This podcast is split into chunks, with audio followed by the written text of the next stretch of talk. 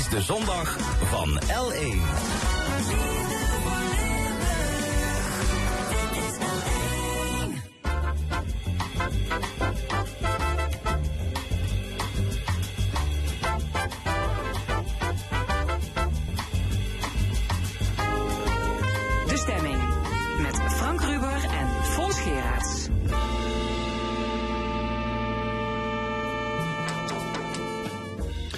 Welkom bij de stemming. Vandaag met de volgende onderwerpen.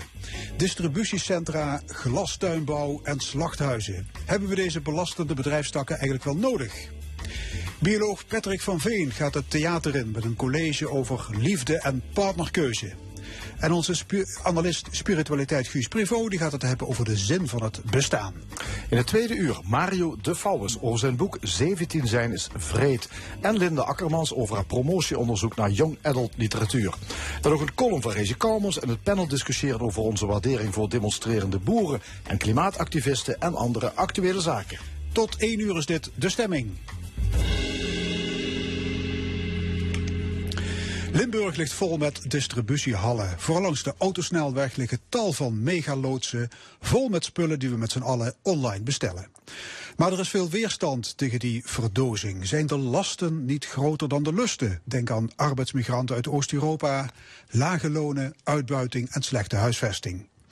Behalve de logistiek liggen ook andere belastende bedrijfstakken voor de loop, zoals de glastuinbouw en slachthuizen. We gaan ervoor praten met René Buk, directeur van Buk Consultants International, en met Ed Leunissen, bestuurder van CNV Vakmensen. Goedemorgen allebei. Ja, meneer Buk, eh, liggen er nog veel plannen voor nieuwe distributiehallen op uw bureau? Nou, dat valt wel tegen of mee, een beetje afhankelijk van hoe je er naar kijkt. Eh, omdat we eh, de ruimte die we in eh, Nederland en ook in Limburg hebben voor nieuwe distributiecentra eh, redelijk beperkt is. Dus eh, als er geen aanbod is, dan gaat de vraag elders, elders naartoe. De, de ruimte, dat is de, de bottleneck op dit moment? Dat er geen ruimte is? Nou ja, wat je, zeker, dat is een van de, de eh, bottlenecks. Eh, je hebt ook nog dat je bij een nieuwe locatie moet je ook nog elektriciteit zien te krijgen. Dat is tegenwoordig ook eh, nog niet zo makkelijk. eh, Nee, dat is zelfs verre van zeker dat je elektriciteit krijgt. Nee, dat is zo. Hè. Dus je hebt, je hebt, we komen wel in contact met gemeenten die zeggen van... je, we kunnen de grond dit jaar verkopen... maar de elektriciteitsaansluiting komt medio 2027. Ja, Ja, dat, komt dat is aan geen bedrijf uit te leggen. hè. Ehm, Is er ook sprake van een zekere verzadiging misschien van de markt? Nou, kijk, wat je wel ziet is dat de host die we hebben gehad tijdens corona, hè, waarbij natuurlijk eh, iedereen eh, online bestelde, heel veel bedrijven hun voorraad opbouwden onder het motto van dan kunnen we ieder geval onze klanten blijven leven, die host is over. Maar het gaat nu toch wel dieper in de zin van dat de verwachtingen voor eh, de vraag naar logistieke centra echt wel fors lager is dan je zou kunnen verwachten.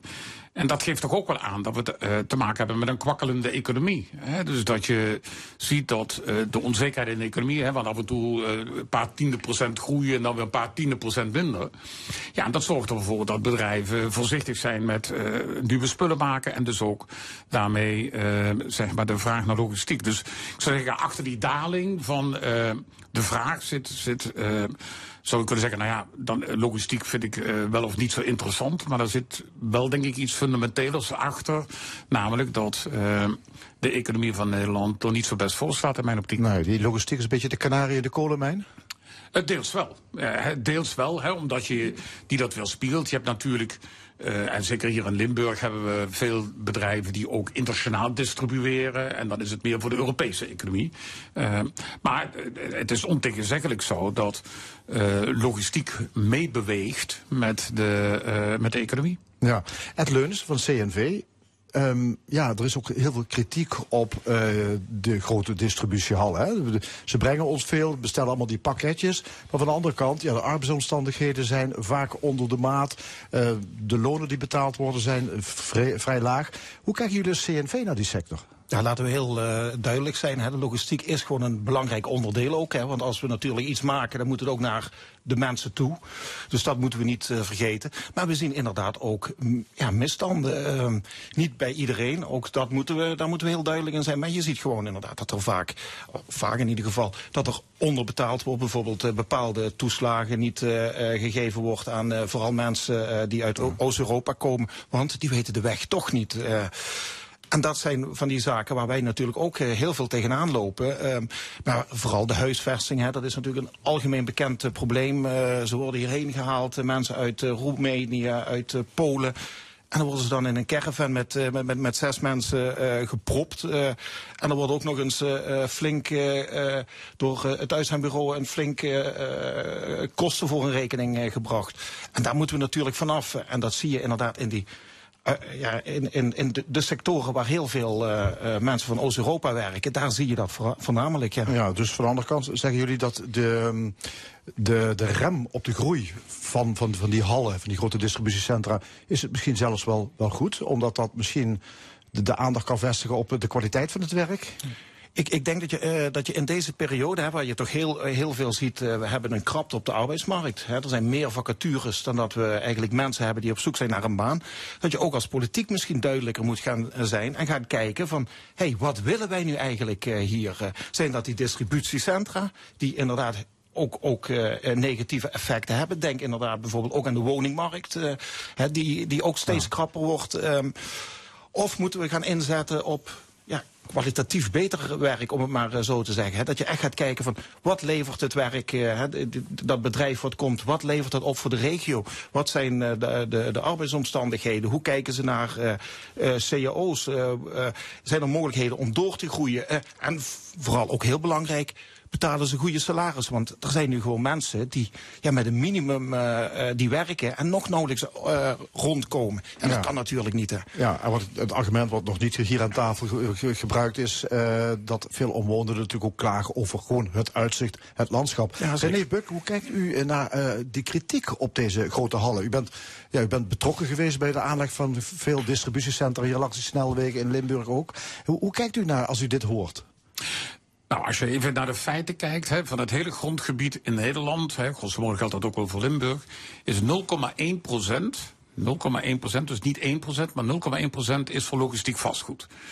Um, dat is overigens in een, in, een, in een regio als Venlo is dat duidelijk meer, want dat is nou echt zo'n concentratiepunt. Ja, daar blijf je rijden langs die grote hallen. Ja, maar, dat, maar dat, daar is het dus ook hoger. Uh, kijk, wat je natuurlijk ook wel een beetje hebt in een ruimtelijke ordening, als je een, uh, je hebt een, een, een, een gemeente, dat is bebouwde kom, uh, op een paar kilometer afstand loopt een snelweg.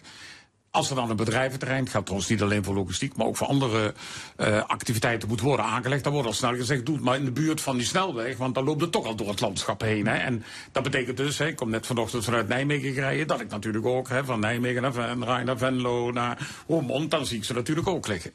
Maar hè, als je even naar de feiten kijkt, dan is dat uh, in, in, in, in ieder geval in hoeveelheid niet zoveel. Je ziet het wel. Hè. Uh, ik denk dat de, uh, je hebt eigenlijk twee zaken rond die logistieke centra. Je hebt uh, kan ik vanuit ruimtelijke ordeningsoptiek, hè, dat is nog wat anders wat Ed net zei, meer vanuit de arbeids, uh, uh, arbeidsomstandigheden optiek. Vanuit ruimtelijke ordening heb je aan de ene kant de ruimte die er moet zijn voor die gebouwen. Aan de andere kant, hoe zijn die gebouwen nou ingericht? Zijn ze duurzaam? Zijn ze energie-neutraal? Worden ze ingepast ja. in het landschap? Zou, zou daar meer over kwaliteit moeten zijn? Ja, en uh, absoluut ja, maar dat gebeurt ook al echt in toenemende mate. He, dus als je, je hebt een soort certificering voor duurzaamheid van distributiecentrum, he, dat internationaal certificaat, dat heet BREAM, mm -hmm. dat zal ik verder niet uitleggen. Bijna alle nieuwe distributiecentra worden volgens die normen gebouwd. Om, simpelweg ook omdat ze daarmee waarde blijven behouden. Dus op dat gebied uh, is absoluut nog voortgang te boeken. Maar je ziet dat eigenlijk de professionele vastgoedpartijen die zich hiermee bezighouden, daar zelf ook wel voorstander van zijn. Want die zien dat dat ook aantrekkelijk is voor hun potentiële huurders. Ja, toch, uh, toch is er, ja, heb ik de indruk dat er steeds meer vragen gesteld worden bij bepaalde sectoren waar we in Nederland die we hebben. En dat, is, dat zijn de slachthuizen, het zijn de glastuinbouwbedrijven en de distributiesector. Die wordt ook in één adem genoemd door bijvoorbeeld Klaas Knot, directeur van de Nederlandse Bank. die zich afvraagt uh, of uh, dit soort werkgelegenheid wel moeten blijven hebben, dit soort uh, bedrijven. Hij heeft het dan over de werkelijke kostprijs. Druk op de fysieke ruimte, uitstoot van CO2, stikstof, druk op het elektriciteits, het wegennet. Hij zegt, ik zeg niet dat je er niets aan hebt, maar dat je de maatschappelijke baten, dat die niet meer opwegen tegen de kosten. Ja, ik zou allereerst zeggen, uh, Klaas Knot heeft van de week bekendgemaakt dat zijn bank 3,5 miljard verlies heeft geleden. Dus het, het, is misschien geen gek idee om zich daar ook op te concentreren. En hij, en hij, is, hij is ook nog zo uh, pessimistisch dat hij voorspelt dat gaat de komende vijf jaar nog eens een keer zodanige verliezen opleveren dat we geen dividend kunnen uitkeren. Dat moest ik toch even kwijt. Ehm, ik denk dat je uh, die arbeidsmigrantenproblematiek waar Ed ook over spreekt, die uh, in deze sectoren wordt relatief veel uh, gebruik gemaakt. Um, en je hebt eigenlijk twee soorten. Denk ik, die problematiek is wat gebeurt er in het distributiecentrum aan veiligheid, maar ook aan betaling. En je hebt aan de woningkant. Ik denk dat je uh, uh, dat blijkt ook uit onderzoek, die Deens van ons bureau, dat 75% van alles, alle logistieke centra in Limburg, of in Nederland en Limburg ook, die worden gebruikt voor distributie naar de regionale of de nationale markt. Dus het zijn inderdaad de spullen die in warehouses liggen voor de bouwmarkt waar je gisteren was. Voor de medicijnen die je de komende week gaat afhalen. Uh, voor de microfoons waar we nu in zitten te spreken. Die komen allemaal uit warehouses en die zijn uiteindelijk op de regionale of nationale markt gericht. Dus dat je aan de ene kant zegt van ja, we hebben problematiek in de zin van heel veel uh, logistiek. En uh, met mensen die we van ver moeten halen. Dat snap ik. De vraag is, hoe krijg je dat dan verankerd in een soort juridische constellatie... dat je het ook vervolgens kunt controleren? Ja. En daar zij, krijg je van hoogleraren en uh, figuren als Knot nooit antwoord op. Uh, hoe doen we dat dan? Ja, want stel we zouden nu zeggen... we gaan geen distributiehallen meer bouwen. Zouden we dan in de problemen raken?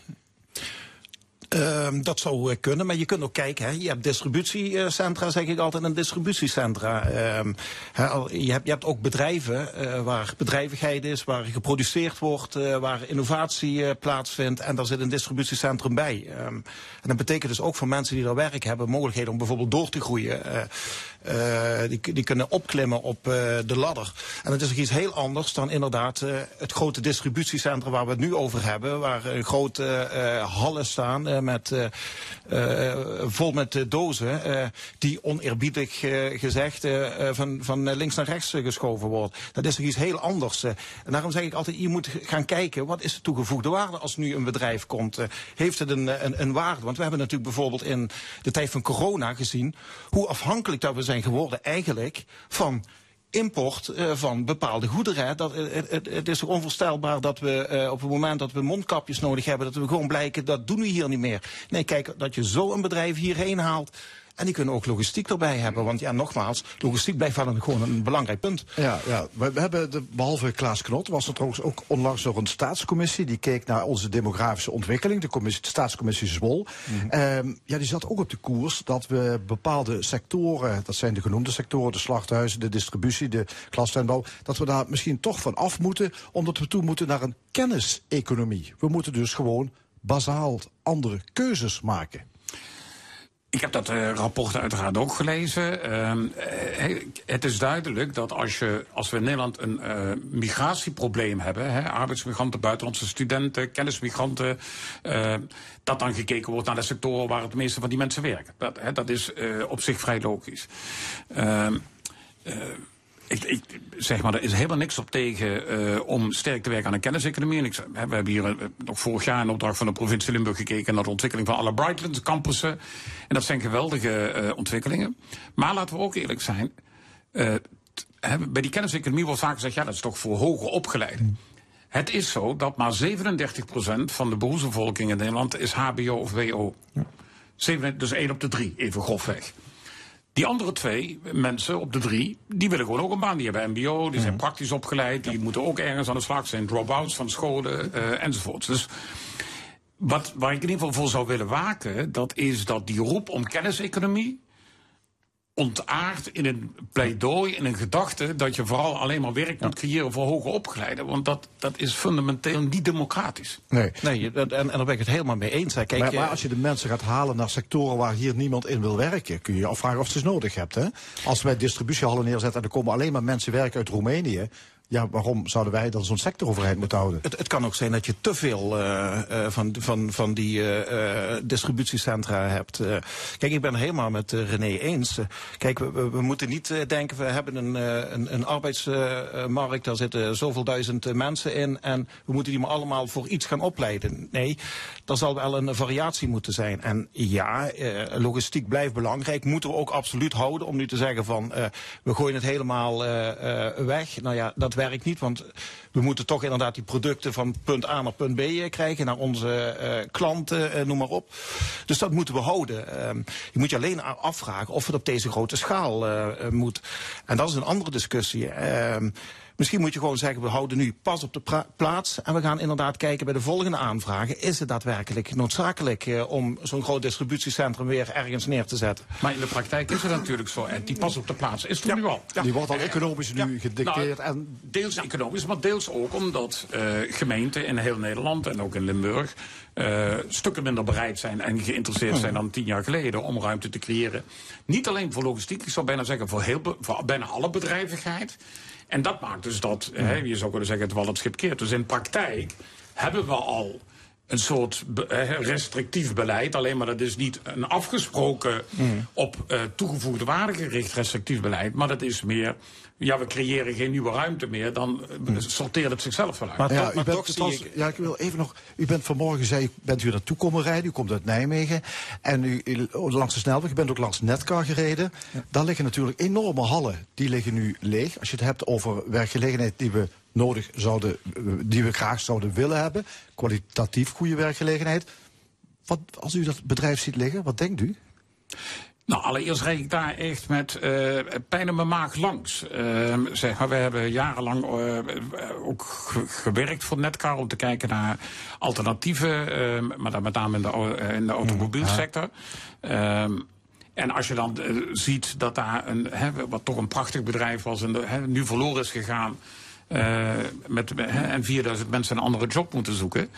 Qua locatie, laat ik het dan even uh, terug daarop komen, is het natuurlijk een, een plek die goed ligt waar ruimte is. Uh, het is niet zo overigens dat je dan hallen, hè, want ik ben vaak genoeg in die hallen geweest. Het is dan niet zo dat je zegt, oh, maar dan kan ik dan de opslag van medische artikelen doen. Nou, en, uh, of, uh, of, militaire apparatuur gaan ja, in elkaar dan, zetten. Hè, dat, ja. Kijk, de crux is dat je, hè, er wordt vaak gezegd, ehm, de, de, Europese Commissie en de Nederlandse regering noemen dat strategische autonomie. Ze zeggen van nou, er zijn bepaalde sectoren, jij noemde dat al van die mondkapjes, hè, er zijn bepaalde zaken die moeten we eigenlijk op voorraad hebben, zodat als er een keer iets misgaat, dan hebben we niet. Dat kan voor semiconductors, hè, voor chips gelden die in je telefoon en in je computer zitten.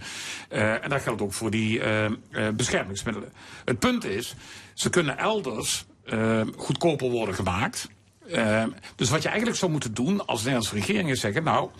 We beschouwen dat soort fabrieken als een soort verzekeringspremie. Iedereen hier aan tafel die heeft waarschijnlijk een brandverzekering voor zijn of haar huis of appartement. En je betaalt het elk jaar en je hoopt dat je het elk jaar niet nodig hebt. Right? Mm -hmm. Want ja. je, elk jaar hoop je dat wat, je. Wat zou je daar dan concreet in zo'n fabriek, wat zou je daar bijvoorbeeld moeten gaan doen? Sorry, zeg het ook. Wat zou je dan concreet in zo'n soort fabriek moeten gaan doen?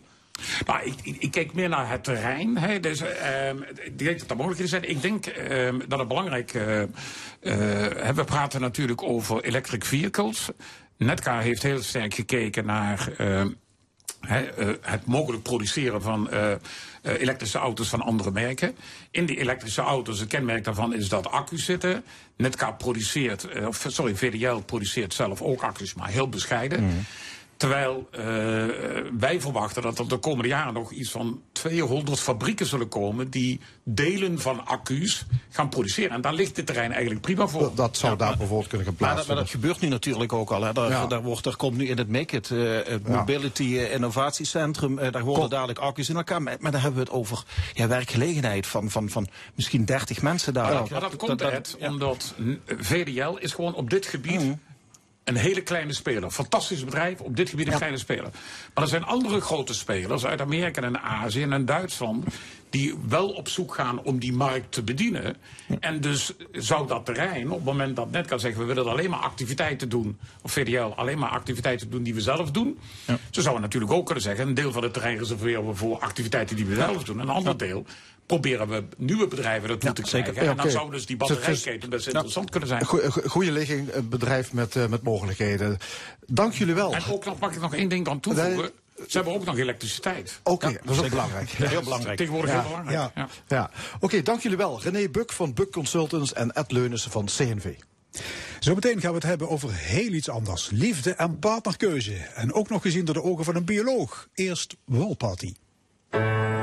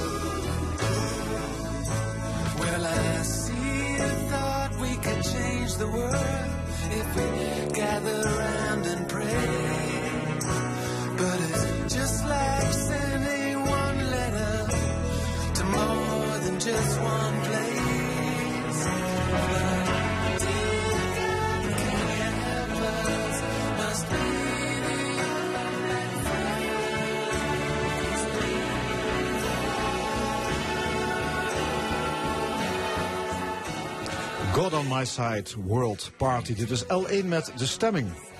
Het is een relatief nieuwe trend. Oud-politici en wetenschappers die de theaters intrekken. Ook bioloog Patrick van Veen heeft de Schouwburg ontdekt. Komende donderdag staat hij met een interactief theatercollege op jacht naar de liefde in het Parkstad Limburg Theater in Heerlen. En hij is bereid om hier in de stemming alvast een tipje van de sluier op te lichten. Aan tafel gedragsbioloog Patrick van Veen. Patrick, hoe kom je erbij om het theater eh, in te gaan? Nou, het, idee ontstond volgens mij inmiddels eh, zes, zeven jaar geleden. En ehm, ik, ik hou me heel erg bezig met gedrag van mensen. En ik hou me vooral ook bezig met organisatiegedrag. Eh, nou, hoe werken mensen samen? Hè? Heb je altijd een bedrijf voor je neus zitten? Maar als je over de liefde spreekt, ja, dan, dan is het lastig eigenlijk om mensen bij elkaar te brengen. En ik ben ooit begonnen met singeldagen en apel te organiseren in de dierentuin. Ja, dat, dat, dat was zo complex. Eh, Dat, daar zijn we uiteindelijk mee gestopt. Er zijn overigens wel inmiddels al kinderen uit eh, voortgekomen uit die single workshops. Eh, en toen dachten we, ja, wat is een mooie andere vorm? En ja, dat was toch eigenlijk wel het theater. Ja, je houdt er ook van om te performen. Dus het gevoel voor showbusiness is jou niet vreemd? Nou, d- d- ik, ik vind het heerlijk om verhalen te vertellen en, en kennis uit de wetenschap te delen. Ehm, ja, en dan, dan, ja, dat is toch ook wel een beetje performen. Ik zeg altijd, als je een zaal voor je hebt, en of er nu managers zijn of singles zijn, ja, je moet ze wel wakker houden. Dus een beetje performance hoort er dan wel Ja, bij. is dat vooral een kwaliteit van biologen? Ik denk aan Freek Vonk, eh, Midas Dekkers. Nou ja, ik, ik denk wat wel is, biologie is een prachtig vak om over te vertellen. Omdat eh, het is overal aanwezig. Ik bedoel, ik kijk naar jullie, maar achter jullie zie ik de bomen. En dan zie ik de lente en dan zie ik de vogels. Dus er zijn altijd verhalen te vertellen. Dus het is gewoon een prachtig vak om over te praten. Ja. Patrick, je hebt ook eh, een aantal boeken geschreven. Het bekendste boek is wellicht Help, mijn baas is een aap. Dat gaat Ja. over de werkvloer, met name over leiderschap. Ehm, lijkt het gedrag van apen of van bazen op dat van apen? Eh, wat je ziet, wij mensen, wij werken samen in hele complexe structuren. En eh, het bijzondere is dat we, we hebben cultuur en, en er worden heel veel managementboeken geschreven. Maar in heel veel situaties zien we toch ook nog steeds dat we terugvallen op oergedrag. En nou ja, als je het hebt over oergedrag, dan kom je best in de buurt van apen. En ja, ik kom nog steeds leiders tegen. En, en dat boek is best al wat jaren oud. Maar ik zie nog steeds leiders rondlopen die zich gedragen als een gorilla. Ja, wat, Dus- wat is de belangrijkste eigenschap van een aap? Nou ja, het mooie is, het belangrijkste eigenschap van een aap... en vooral het belangrijkste eigenschap van een goede leider bij apen is... dat hij zorgt dat er veiligheid en stabiliteit is. En dat vergeten mensen wel eens en dan zien ze alleen... Hè, die gorilla die zegt, jongens, ik ben een grote leider hier... Eh, maar zo'n grote leider zorgt ook heel erg goed voor zijn mensen. En als je het vorige onderwerp hebt geluisterd, dat gaat ook over hoe goed zorg je voor je mensen in een organisatie. En eh, goede apenleiders weten hoe ze dat moeten doen. Goed, donderdag hou je dus een hele dat theatercollege over Ja. de liefde en over partnerkeuze. Heeft eh, verliefdheid te maken met romantiek, met de vonk? Of is het vooral een kwestie van hormonen en instinct? Nou ja, als je een bioloog vraagt, die slaat het meteen plat en die zegt, ja, er beginnen wat hormonen te werken. eh, eh, en een bloedtrek uit je darmen weg, daardoor voel je vlinders in je buik. Dus een bioloog maakt hen niet heel erg romantisch, moet ik zeggen. En er zijn onderzoekers die hebben het hele proces van verleiding en liefde echt tot in detail onderzocht. Eh, maar uiteindelijk zit er ook wel een beetje romantiek bij, want er zit ook nog iets magisch. En daar kunnen we als wetenschappers heel lastig de vinger op leggen. Maar uiteindelijk slaan we het heel erg plat. Oké, hoe, hoe werkt verliefdheid? Nou ja, het, het- Wa- het- waarom vallen we op de een en, en niet op de ander? Ja. Hoe, hoe werkt dat? nou, kijk, de liefde heeft biologisch gezien een hele belangrijke oorsprong. En dat is namelijk het in stand houden van de soort. Eh, we, moeten een partner vinden. En die partner die zorgt er uiteindelijk voor, of samen met die partner zorg je ervoor dat er nageslacht komt. Dus wat je eigenlijk ziet, is dat we voortdurend in een zoektocht op zoek zijn naar wie is de potentieel beste partner voor mij om samen nageslacht eh, te verwekken. Nou, inmiddels hoeven we niet per se kinderen te krijgen. Er zijn mensen ook op latere leeftijd die op zoek gaan naar een partner. Maar die biologische drijfveer die kijkt continu vanuit dat perspectief. Dus het is vooral een soort ja, competitiestrijd, zeggen we wel. Van ja, wie kan zich het beste profileren? En wat ook wel mooi is, dat in het oerdrift zit ook een soort realisme. En wat bedoel ik met realisme? Wij mensen hebben best een goed beeld van onszelf. Je zou soms zeggen dat we dat niet hebben.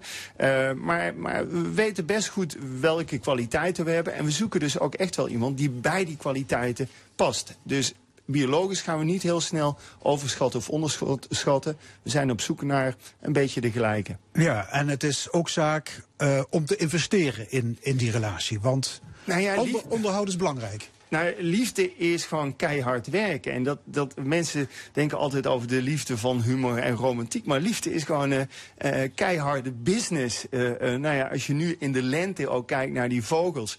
Hoe die ruzie met elkaar maken. Hoe die de competitie met elkaar aangaan. En bij mensen is het eigenlijk niet he- heel veel anders. Je moet wel echt investeren Oké, in zo'n heb je relatie. toevallig een tip voor stellen die pakweg 25 jaar of nog langer bij elkaar zijn?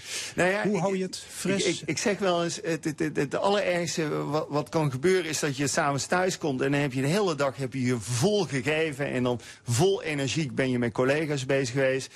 En, en dan kom je thuis en dan ga je onderuit hangen en dan pak je die telefoon en ga je een beetje swipen, ga je social media lezen, je trekt een joggingbroek aan. En dan zeg ik altijd, draai dan nu eens een beetje om. Hè. Als je thuis komt, ga dan vooral die energie instonen. Eh, leg die telefoon aan de kant en ga eens met elkaar in gesprek of ga lekker met elkaar wandelen. Maar investeer in elkaar. Ja. En klopt het dat je donderdag gaat strooien met tips voor mensen die op zoek zijn naar een partner? Nou ja, ik, ik, ik ga hopelijk strooien met, eh, met tips voor mensen die al lang bij elkaar zijn. Eh, maar, maar als er mensen zijn, singles zijn, die zeggen van ik ben zoekende, dan komen daar zeker tips eh Ja, ja, het wemelt tegenwoordig van de dating sites. Hè? Ja. Ehm, internet daten, zou je dat aanbevelen of zeg je begin daar in godsnaam niet aan, je komt van de regen, de drup. Nou ja, er zijn, eh, eh, ik begrijp dat best steeds meer mensen daar hun partner vinden. Maar bij internetdaten zit ook al een risico. Ik, ik noem dat wel eens het, het Tinder-dilemma. Is dat mensen die blijven maar doorswipen. En hebben dus het gevoel, er komt altijd weer een betere. En de realiteit is dat je eigenlijk op zoek bent naar de best mogelijke partner in een afgebakende groep. Hè. Die, die groep potentiële partners, die is niet onbeperkt. En wat je vandaag de dag ziet, is dat heel veel mensen blijven doorswipen. Dat is ook al een beetje de truc van Tinder. Want er komt altijd wel weer een nieuwe. Maar dat is niet het reële plaatje. Uiteindelijk moet je genoegen nemen met datgene wat in het aanbod aanwezig is. Oké, dus om antwoord te geven op de vraag. Met mate ben daar, of ben daar heel voorzichtig uit, mee of- en, en, en stel vooral ook je verwachtingen bij. Het is ook nog een interactief college donderdag. Welke toeters en bellen ga je allemaal uit de kast? Nou, ik- ik- donderdag? Ja, die kan ik wel al weggeven. Ik, eh, weet je, je hebt tegenwoordig heb je heel veel eh, online technologie die je dan kunt gebruiken. En dan kun je allerlei vragen stellen. Mensen krijgen als ze binnenkomen een knipperend hartje. En eh, we zetten een camera op de zaal. Eh, dus we gaan mensen vragen stellen eh, eh, en, en mensen kunnen met dat hartje kunnen ze stemmen, lichtjes laten zien. Dus we gaan letterlijk de zaal in beeld brengen. Dus je kunt ook nog tussendoor even kijken of er iets leuks en interessants in de zaal zit. Ja, trouwens als luisteraars denken, hé hey, Patrick van Veen, die naam, die ken ik toch? Dat klopt, want je bent medewerker van het televisieprogramma Married at First Sight van Ja. RTL 4. Wat, wat is de formule? Nou ja, de formule is eh, eh, een, een paar duizend singles melden zich elk jaar aan voor dat programma.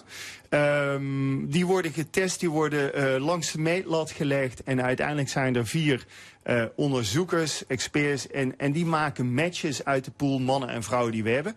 En mensen komen elkaar voor de allereerste keer tegen als ze bij de ambtenaar van de burgerlijke stand staan. En dat ze het ja-woord, oh ja, ze mogen ook nee zeggen. Dus mensen die elkaar niet kennen, Ja, die gaan, gaan met elkaar trouwen. Ja. En, en dat is ook een wettig huwelijk, dat is geen fake. Dat is geen fake. Nee, die vraag wordt regelmatig gesteld. Het is echt een wettelijk huwelijk.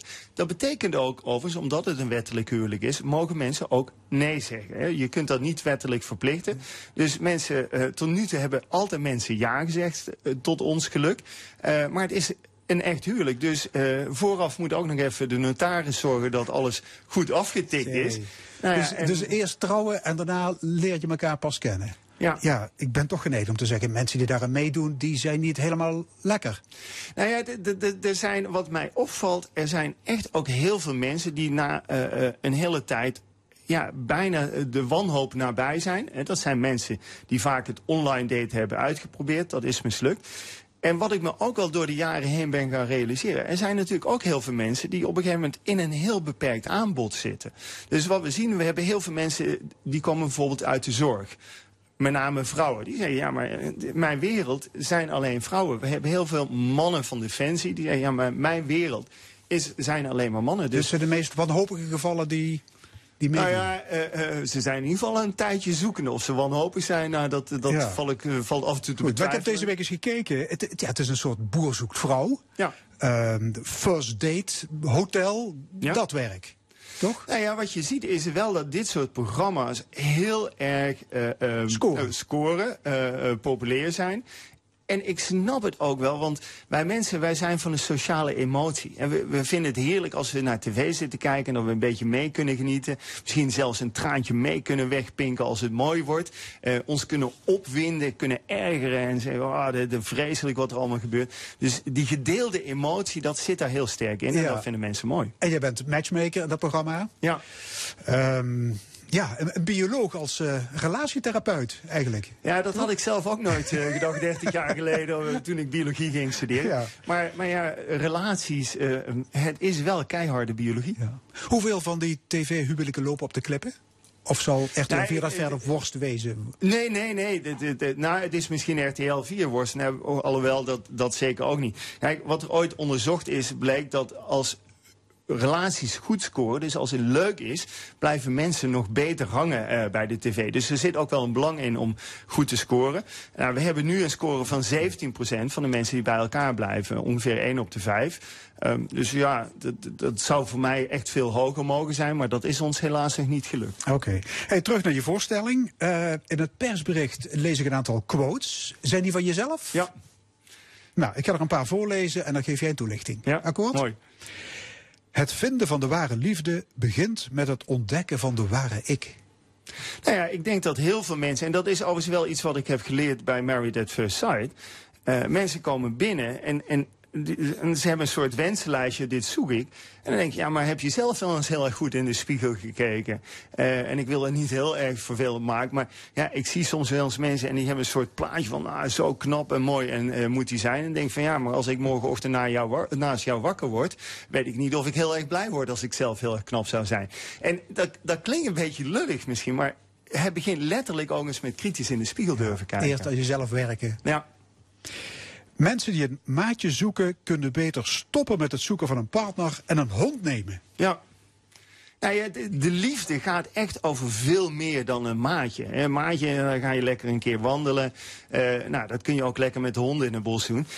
Liefde gaat, een partner, dat vraagt veel meer. Maar dat betekent ook dat je veel meer investering moet leveren in een relatie. Het is niet een beetje zorgen voor elkaar en leuke dingen met elkaar doen. Het gaat echt wel een stap verder. En dat betekent ook kunnen incasseren, maar het betekent ook af en toe dingen kunnen leveren. Ja, eigenlijk heel voor de hand liggend. Ja.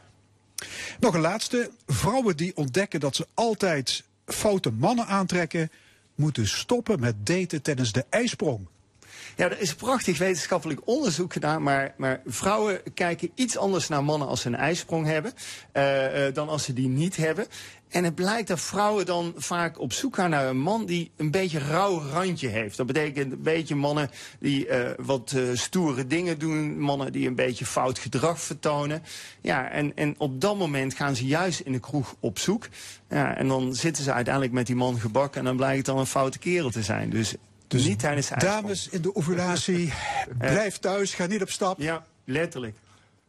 Goed, dan nog een laatste puntje. eh, heel iets anders. De biologie, biologielessen op school worden mogelijk ingekrompen. Ja. Want er moeten meer uren worden besteed aan wiskunde, Nederlands en maatschappijleer. Eh, ja, de biologiewereld is een rep en roer. Er is een petitie gestart. Wat vind jij? Ja, dit is de meest domme actie die je kunt uitvoeren. Want biologen en biologie is een vak dat je op zoveel plekken eh, eh, tegenkomt. Hè. Als je realiseert, de medische wetenschap draait voor een belangrijk deel op de biologie. Eh, als je kijkt, we zijn bezig met klimaat, wat een groot probleem is. de ecologie, de natuur. Ook daar werken biologen. Dus biologie is een vakgebied wat echt aan de basis staat van heel veel zaken. De landbouw. Daar hebben we allemaal mee te maken. We hebben het over stikstofbeleid. Ja, ook daar spelen allemaal biologen een grote rol. Dus ja, het zou raar zijn. gaat over actuele Het gaat zaken. echt over de actuele Klimaat, thema's. natuur, stikstof, wat je noemt. waar we nu mee bezig zijn en, en waar we in de toekomst mensen ook voor nodig Het hebben. regenwoud. Ja. Ik heb begrepen dat Freek Vonk in Zuid-Amerika een nieuwe reuzenslang heeft ontdekt. Ja, het, het, het leuke is de, De meeste groene anaconda. Ja, de meeste ontdekkingen, en dat zegt hij ergens in een bijzinnetje, worden tegenwoordig gewoon in een museum gedaan. En dan worden gewoon wat DNA-stalen genomen van oude preparaten, soms al 100 jaar oud. En dan ja, door DNA-technologie, dus in een laboratorium, wordt meer ontdekt soms dan in het wild. Donderdag dus in het Parkstad Limburg Theater in Heerlen. Een theatercollege over liefde en partnerkeuze. Patrick van Veen, hartelijk dank. Dank jullie. En zometeen in de stemming analist spiritualiteit Guus Provo over onze zoektocht naar zingeving. Maar eerst Veronique Sanson, amoureuse. Une nuit, je m'endors avec lui.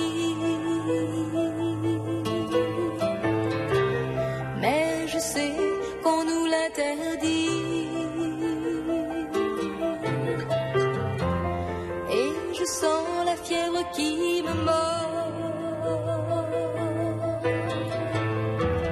Sans que j'ai l'ombre d'un remords.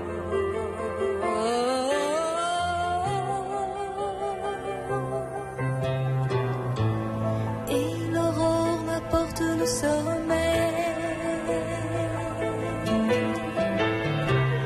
Je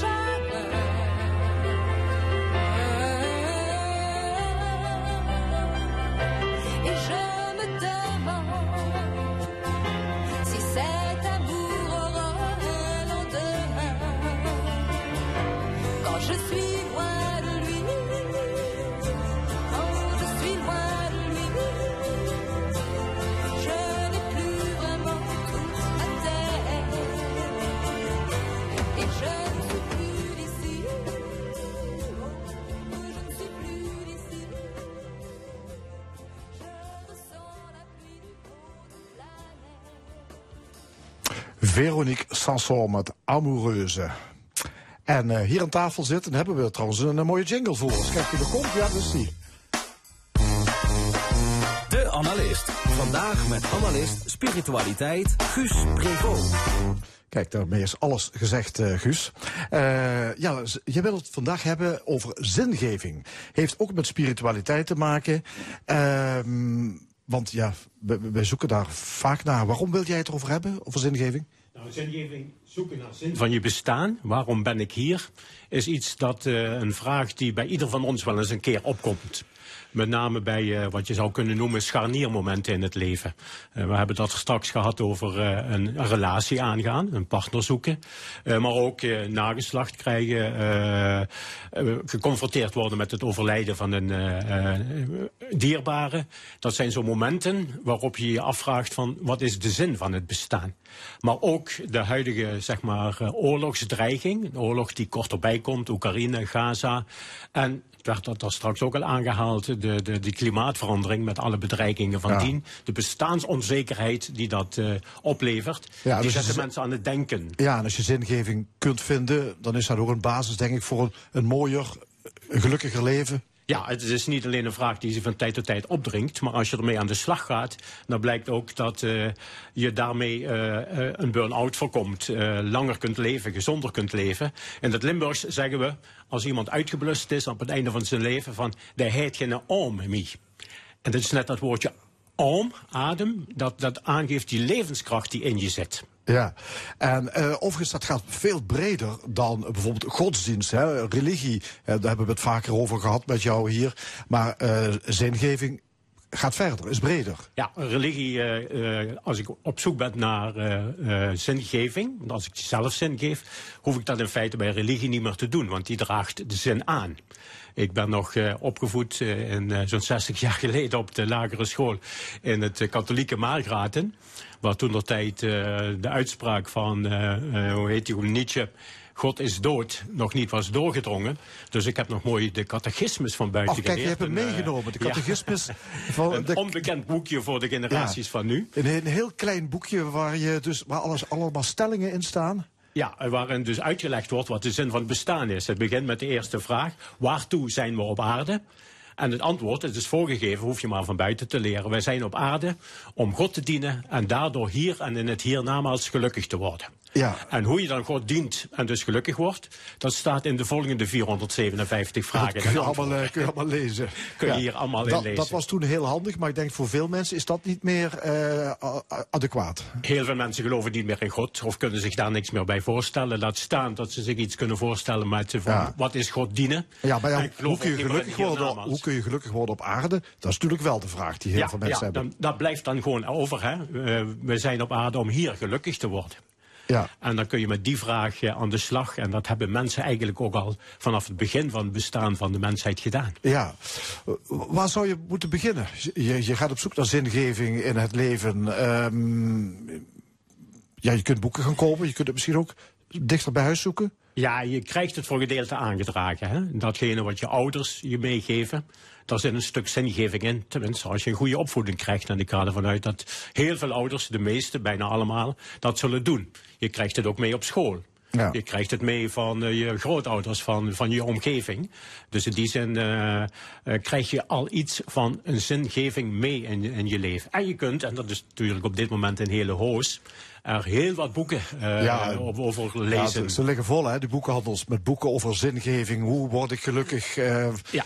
hoe, wat doe ik met mijn leven en dergelijke. Stapels. Ja. Nee, dat klopt. Dus in die zin eh, beveel ik dat ook wel aan. Eh, lees eens af en toe zo'n boek. Wees er wel wat kritisch op. Er zijn ook heel veel eh, boeken die wat meer in de richting van een nogal egoïstische zingeving gaan. Dat moet je wat voorkomen, denk ik. Ja, ja, ja. Jij, jij hebt wat boeken voor ons eens, eh, eens doorgenomen. Je hebt er ook wat gelezen natuurlijk de afgelopen tijd. Eh, je wilde het bijvoorbeeld hebben over René Gudde. Eh, vader, eh, de denker des vaderlands, inmiddels wel overleden. Helaas, maar die, ja. die onderscheidt eigenlijk vier niveaus in zingeving. Kun je dat eens uitleggen? klopt. Nou, het eerste niveau is gewoon, ik heb zin in iets. Als ik hier Ja, naartoe kom... lekker stuk zin fly een stukje op tafel? Ja. heb ik zin in een stuk fly en dat eet ik dan met genoegen hier. Dat is een heel basale... Ja, dat hebben we allemaal. Zin in seks. eh, ook dat hoort bij een relatie natuurlijk. Ja. Een tweede niveau is dat van het, eh, het, het zinrijke ervaren. Het, zin, het zinrijke ervaren. In die zin van dat je eh, eh, een mooi, mooi schilderij. Met mooie kleuren, eh, met een mooie opbouw. Muziek waar je naar luistert, waarin je iets ervaart. Het zintuigelijke moet ik eerlijk zeggen. Dan komt het zinrijke. Eh, dat is het niveau waarop je eh, kunt verwoorden waarom dat je iets doet en waarom dat je hier op aarde bent. Je kunt erover praten. Je kunt daarover praten. En het vierde niveau is het dat je het als zinvol ervaart. Dat je bijvoorbeeld datgene wat je doet ook kunt plaatsen binnen de keuzes die je maakt. Of als je, net zoals ik, ik ben inmiddels 70, terugkijkt op je leven. Dat je kunt zeggen, ja, dat heb ik toch redelijk goed gedaan. Dat, eh, ik zal niet zeggen dat ik alles goed heb gedaan, maar een merendeel eh, van mijn leven heb ik toch goede keuzes gemaakt. Dat je op die manier eh, kunt terugkijken op een zinvol leven. Ja, je leven is zinvol als je achter de doelen van je leven of je werk kunt staan. Dus je kunt terugkijken van, heb ik goed gedaan. Ja, Ja. zo zou je dat kunnen zeggen. ja. Vaak is natuurlijk, eh, zoeken mensen zingeving, en wordt dat misschien ook wel verwacht, denk ik, met eh, gelukkig moeten zijn. Hè? Dat er een soort drang, dwang is, het, het moet allemaal lukken. Ja, dat, dat is wat bijvoorbeeld de Belgische psychiater Dirk de Wachter eh, aangeeft. Eh, hij zegt er is een hype dat we inderdaad gelukkig moeten zijn. Waarbij dat geluk vooral gezocht wordt in materiële welvaart. Ja, wordt ook aangejaagd door natuurlijk eh, onze mobiele telefoon. Hè? Swipen en je ziet allemaal gelukkige mensen om je heen. En dat noemt hij wel de vernietsing van het leven. Want ja, daar slaag je nooit in. Als je veel hebt, wil je steeds meer hebben. En hij zegt van dat je zin van het leven kunt vinden in de ontmoeting met medemensen. En vooral met de ontmoeting met zwakkere medemensen. Vluchtelingen, eh, eh, ouderen vandaag die de zin van het leven verloren zijn. Om die wat te bemoedigen. En noem maar op dat je daarin de ware zin van het leven vindt. Ja, en, en niet in die materiële welvaart. Hij noemt dat een borderline eh, maatschappij. Hè? Die streeft naar haar ondergang zou je kunnen zeggen. Ja. Jij wilde het ook hebben over een boek van Rens Bot. Die is hoogleraar in Amsterdam. Schreef een boekje, Waarom ben ik hier? Eh, re- vrij redelijk recent boek. Je hebt hier op tafel liggen. Waarom wil je het daarover hebben? Wat is daar zo goed aan? Nou, hij, eh, hij geeft eh, een geschiedenis van de zingeving zoals de mensheid van het begin dat gedaan heeft. Eh, ik gaf al aan, die zintocht, eh, die, die tocht naar zingeving is iets des mensens. Dat hebben we altijd al gedaan. En hij beschrijft daar een geschiedenis van. En het leuke is dat hij dan op 180 manieren komt van eh, hoe je zin kunt geven. Dan moet je denken aan... 180, ja. 180. Ja. Ik geloof dat het de CBS er vier heeft eh, die het beschrijft. Ja. Maar hij komt op 180 verschillende zingevingsvormen. Rituelen, eh, denken, eh, idealen. Waarin je die zingeving vorm kunt geven. Wat, kun je er een paar noemen? Bijvoorbeeld waar we het de vorige item over ging, eh, nageslacht krijgen. Ja. Dat is zo'n eh, zingevingsvorm. Eh, ergens bij willen horen. Bij je streven naar een duurzame wereld. helpen van anderen. verbinding maken met medemensen. Bestrijden van onrecht. leren aanvaarden wat op je afkomt. liefhebben. Ja, dat, dat- zijn zo van die Ja, zingevingsvormen. en is dat, is dat met name allemaal altruïstisch? Het, het meeste van die zingevingsvormen zijn altruïstisch. Eh, dus hij verdeelt de zingevingsvormen naar twee categorieën. Eh, altruïstisch of egoïstisch. Dus meer op de ander gericht, meer op jezelf gericht. En daarnaast heeft, hanteert hij nog de ca- categorie eh, korte termijn en lange termijn. Ja, wat, wat, wat, wat levert de, de, de mooiste zingeving op? Wat voor soort De eh, mooiste idealen. zingeving eh, vindt eh, Renspot, en ik ben het daar helemaal met hem eens, anders zou ik hem natuurlijk hier niet citeren, is als je altruïstische zingevingsvormen hebt die op de lange termijn zijn gericht. Bijvoorbeeld streven naar duurzaamheid. Ja. Streven naar een rechtvaardige wereldsamenleving. Da daar worden mensen wel gelukkig van. Ze dat... Daar worden mensen het meest gelukkig van. ja, ik kan me voorstellen zeggen dat... Dat, het heel frustrerend is, omdat je dat nooit bereikt. Nou, het moet wel haalbaar zijn. Eh, dat wil zeggen dat het eh, bijvoorbeeld een duurzame wereld. Ik denk niet dat dat in mijn levenstijd die mij nog gegeven is Ja. haalbaar zal zijn. Maar het moet wel haalbaar zijn als mensheid. En ik hoop van ganse harte dat dat haalbaar is als mensheid om een duurzame wereld te kunnen Ja, bouwen. maar gewoon een mooie wandeling op zondagmiddag. Dat kan ook een hele goede invulling zijn, eh, invulling zijn met je liefje. En ondertussen nog wat eh, afval oprapen op, eh, ja, op die manier. Ja, want je moet werken aan die relatie, hebben we al gehoord. Ja, Hè? Dus, of naar een museum de, de schat van Simpelveld komen. ja. Om de ja, dan ben jij vrijwilliger. Ja, ik snap hem al. Ja. Ja. Hartelijk dank. Dankjewel, Guus Prevol. Straks in de stemming de Young Adult roman. Dit genre boeken gericht op adolescenten verkoopt als een tierenlier. En daarover promovenda Linde Akkermans en schrijver Mario de Vouwes. Verder een column, een discussiepanel en nog veel meer. Blijf luisteren, tot zometeen.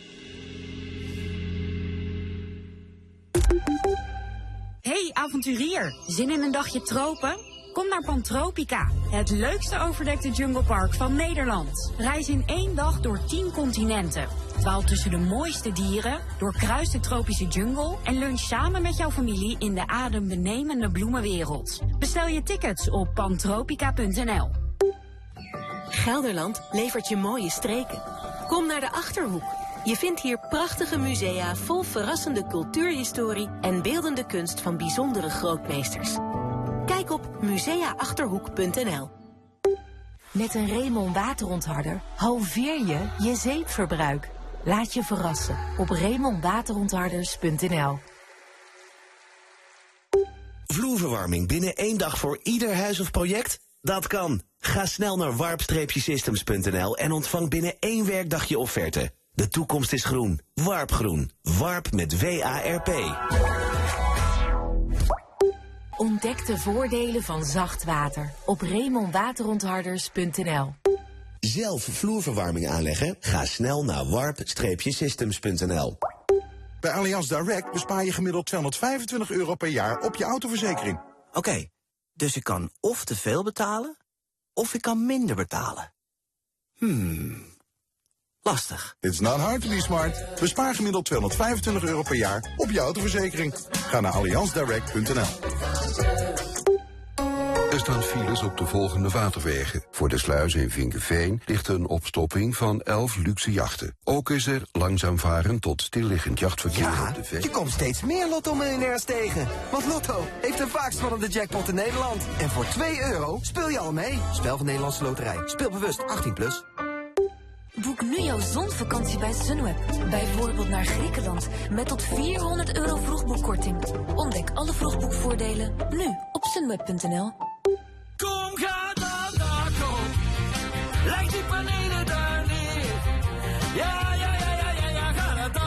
Bespaar net als Peter Koelewijn met zonnepanelen van Innovidak. Nu met twee jaar gratis onderhoud en reiniging ter waarde van 360 euro. Innovi-dak.nl Ga erop! In februari ontvangt u het aanslagbiljet voor de gemeentelijke en waterschapsbelastingen. U ontvangt het aanslagbiljet per post in uw brievenbus of digitaal in uw berichtenbox als u zich heeft aangemeld voor Mijn Overheid. Meer weten? Ga naar bsgw.nl. Innovidak. Ook voor alle dakwerken. Kijk op innovi-dak.nl. Ziet u slecht en helpt uw bril niet meer? Er zijn nu speciale brillen waarmee u weer kunt lezen, tv kijken en veilig over straat kunt gaan. Bel 070 311 4070 of kijk op ikwilbeterzien.nl. Ik wil beter zien. Dit is L1 met het nieuws van 12 uur. Jennifer Okkeloen met het NOS Journaal. In Amsterdam is vanochtend een man doodgeschoten. Het gaat om de 26-jarige Denzel Silos, ook wel bekend als rapper Biggie Dagu. Hij maakte deel uit van de rapformatie Zone 6 uit Amsterdam Zuidoost.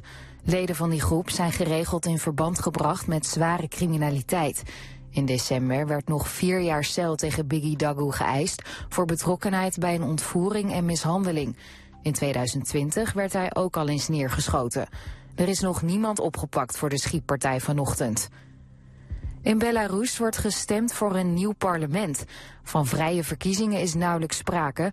De vier partijen waarop gestemd kan worden zijn allemaal op de hand van president Lukashenko, die al bijna 30 jaar aan de macht is.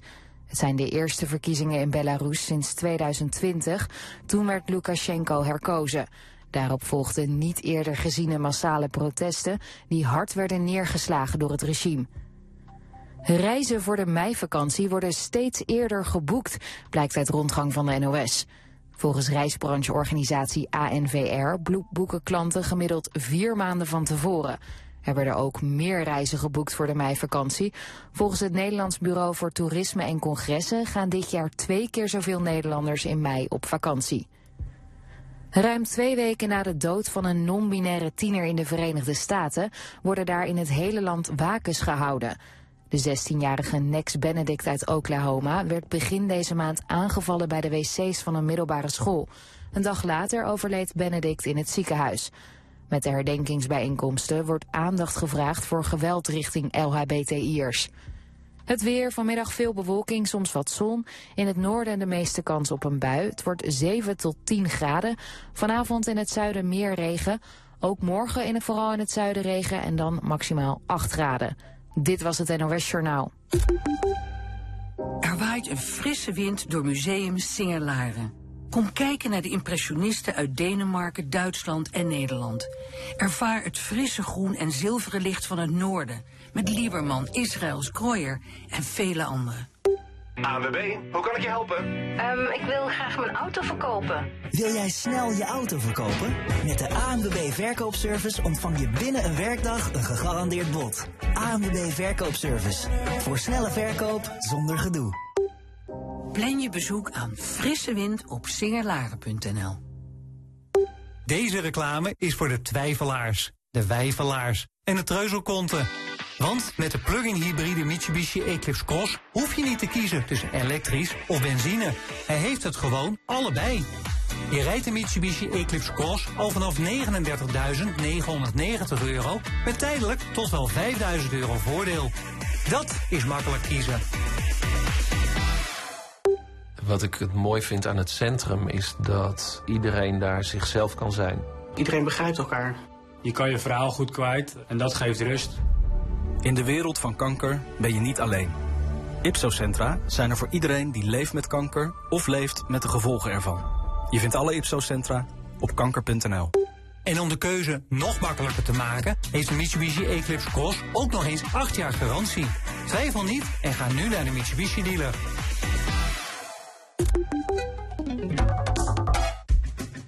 Ben je misschien meer gaan verdienen? Of is je uitkering verhoogd?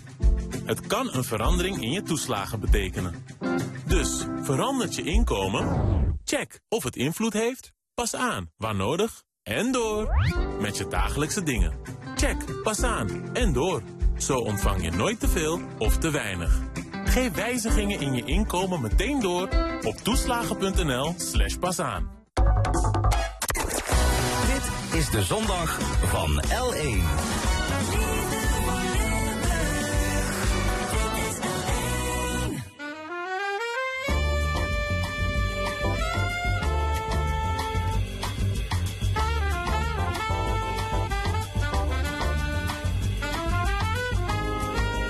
De stemming.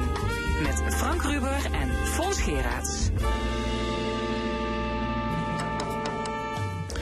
Opnieuw welkom bij De Stemming, het interview- en discussieprogramma van L1 Radio. Wat gaan we doen in dit uur? Straks discussieert het panel met Gabrielle Heijnen, Cor Bosman en Loek Hustings over het feit dat mensen meer sympathie hebben voor protesterende boeren dan voor klimaatactivisten. Er is een column van comedienne Rezi Komans, maar eerst de Young Adult roman. Dat is een genre dat ongekend populair is onder jongeren. De boeken, vaak Engelstalig, gaan als zoete broodjes over de toonbank. Mario de Fouwes schreef ook zo'n boek. Titel 17 zijn is vreed.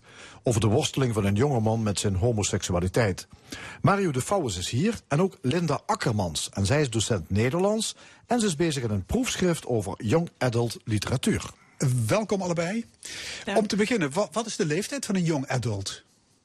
Dat is grofweg uh, vanaf 15 jaar. En een bovengrens plak ik er in mijn onderzoek niet, niet op. Uh, we weten ook dat veel volwassenen jong adult literatuur met veel plezier lezen.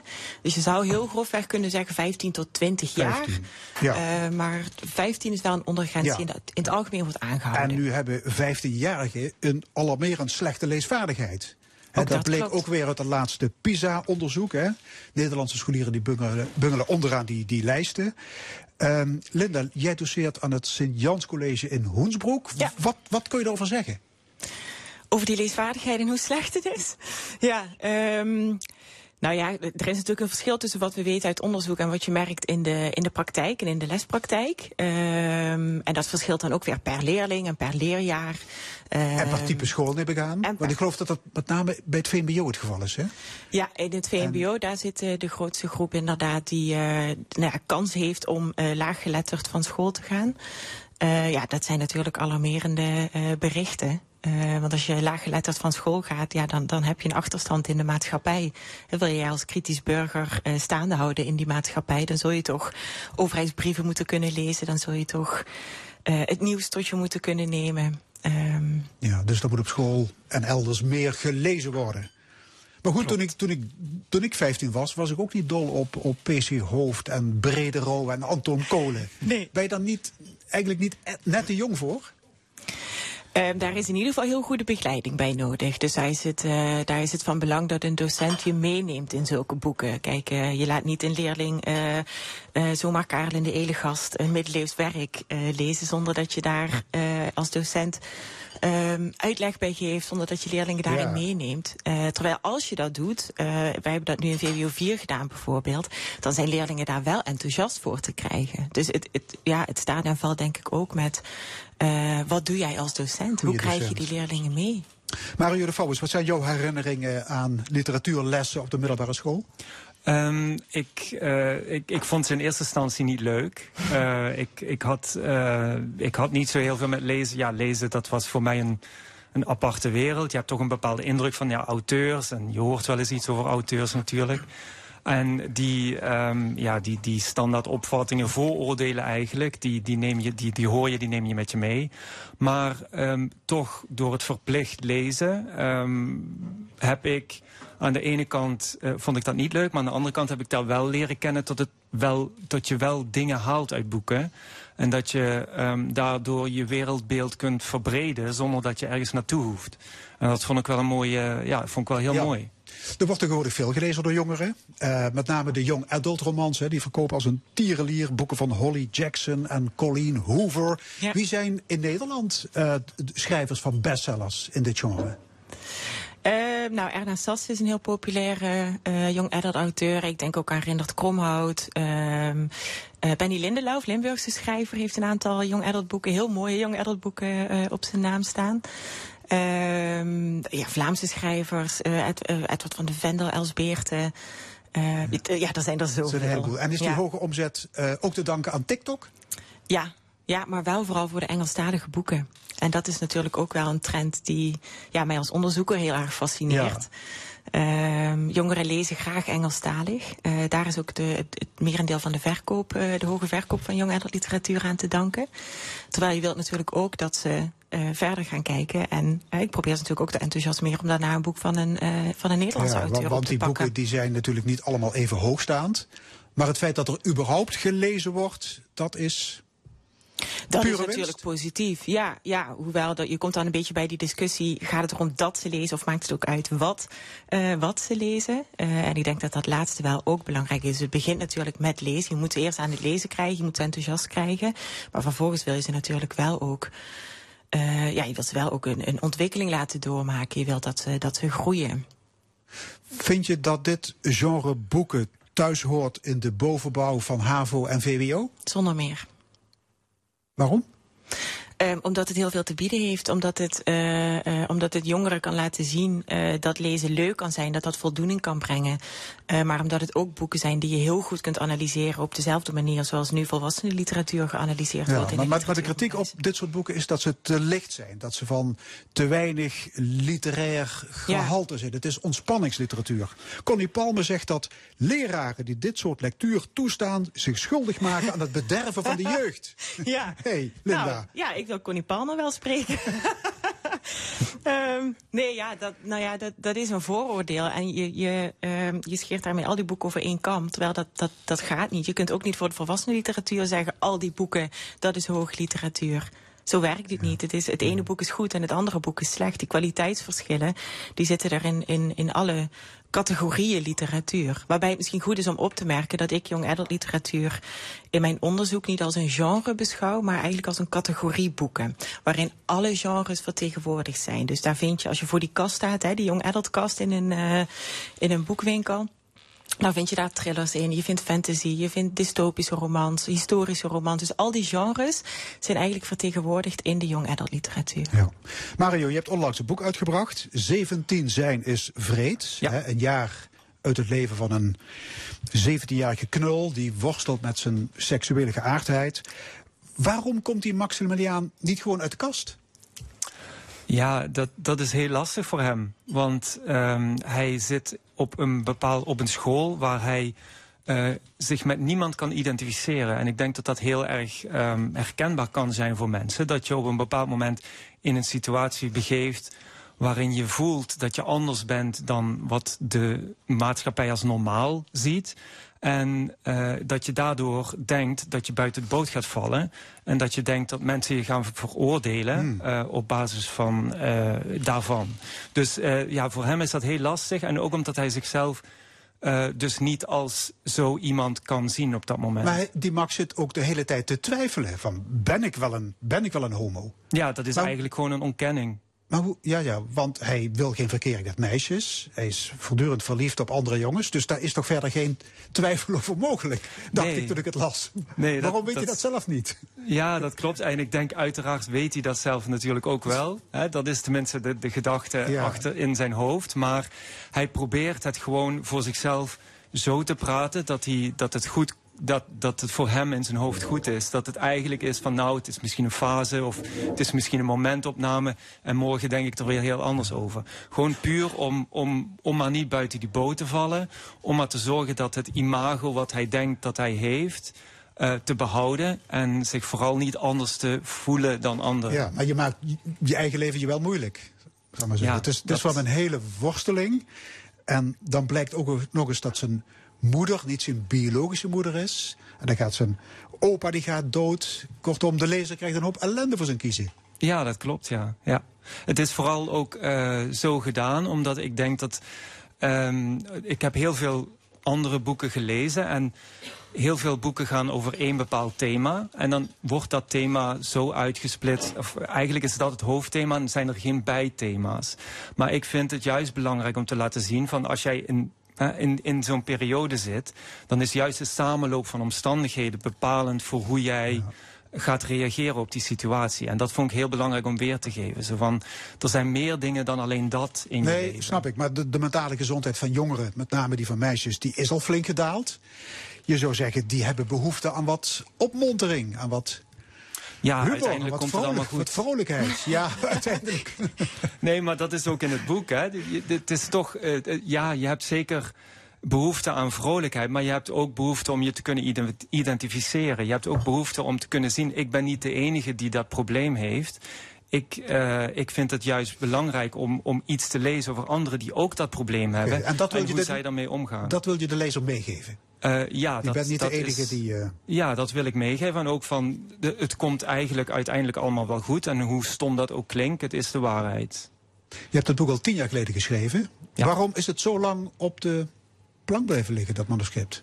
Ehm, eigenlijk vooral omdat ik niet het idee had dat er behoefte zou zijn aan, eh, aan mijn boek. Gewoon vooral, het is, nou, ik vind het leuk om het voor mezelf te schrijven. En verder heb ik daar geen ehm, ambities mee om het uit te geven. Maar toen ik het begin dit jaar eh, weer oppakte, dacht ik van nou, ik vind het eigenlijk toch wel heel leuk. En ik heb dat toch wel leuk gedaan tien jaar geleden. En waarom zou ik het niet Ja, gewoon maar, je uitgeven? kon, maar je kon geen u- uitgever vinden die het wilde uitgeven. Dus je hebt het in eigen beheer gedaan, hè? Ik heb het in eigen beheer Ja. gedaan, maar ik heb, ik heb ook niet gezocht naar een andere uitgever. Ik ben eigenlijk gewoon meteen naar deze uitgeverij ge- Of ja, het is een uitgeverij, die uh, Boekscout heten ze, die ze die eigenlijk jongens, jonge auteurs of beginnend auteurs de kans ge- geven om een boek te, uit te brengen.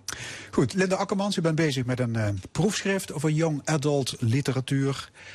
Wat wil je precies aan de weet komen? Wat is de centrale onderzoeksvraag? Ja, eh, de centrale onderzoeksvraag is eh, wat de positie en de status is van young adult literatuur in het literaire veld. En in het literaire veld, daar verhouden allerlei vormen van literatuur zich tot elkaar. Dus de volwassenen literatuur, de jeugdliteratuur, eh, de thrillers als een subsysteem of als een subveld. En daar is constant spanning eigenlijk, co- constant strijd. Eh, en ik probeer in kaart te brengen, nou, hoe gaan nou verschillende eh, spelers in het literaire bedrijf, dus uitgevers, boekhandelaren, het onderwijs, hoe gaan die om met die literatuur? Om vervolgens iets te kunnen zeggen over die positie die het in Dus er gaat heel veel onderzoek eh, komt erbij te pas. Daar komt heel veel heel veel gesprekken voeren.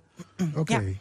Ehm, hoeveel boeken in dit genre heb je zelf gelezen? Oh, pff, eh, geen idee, weet ik niet. Ontzettend veel. Tientallen? Ja, meer, honderden. Ja. Wat hebben die boeken gemeenschappelijk?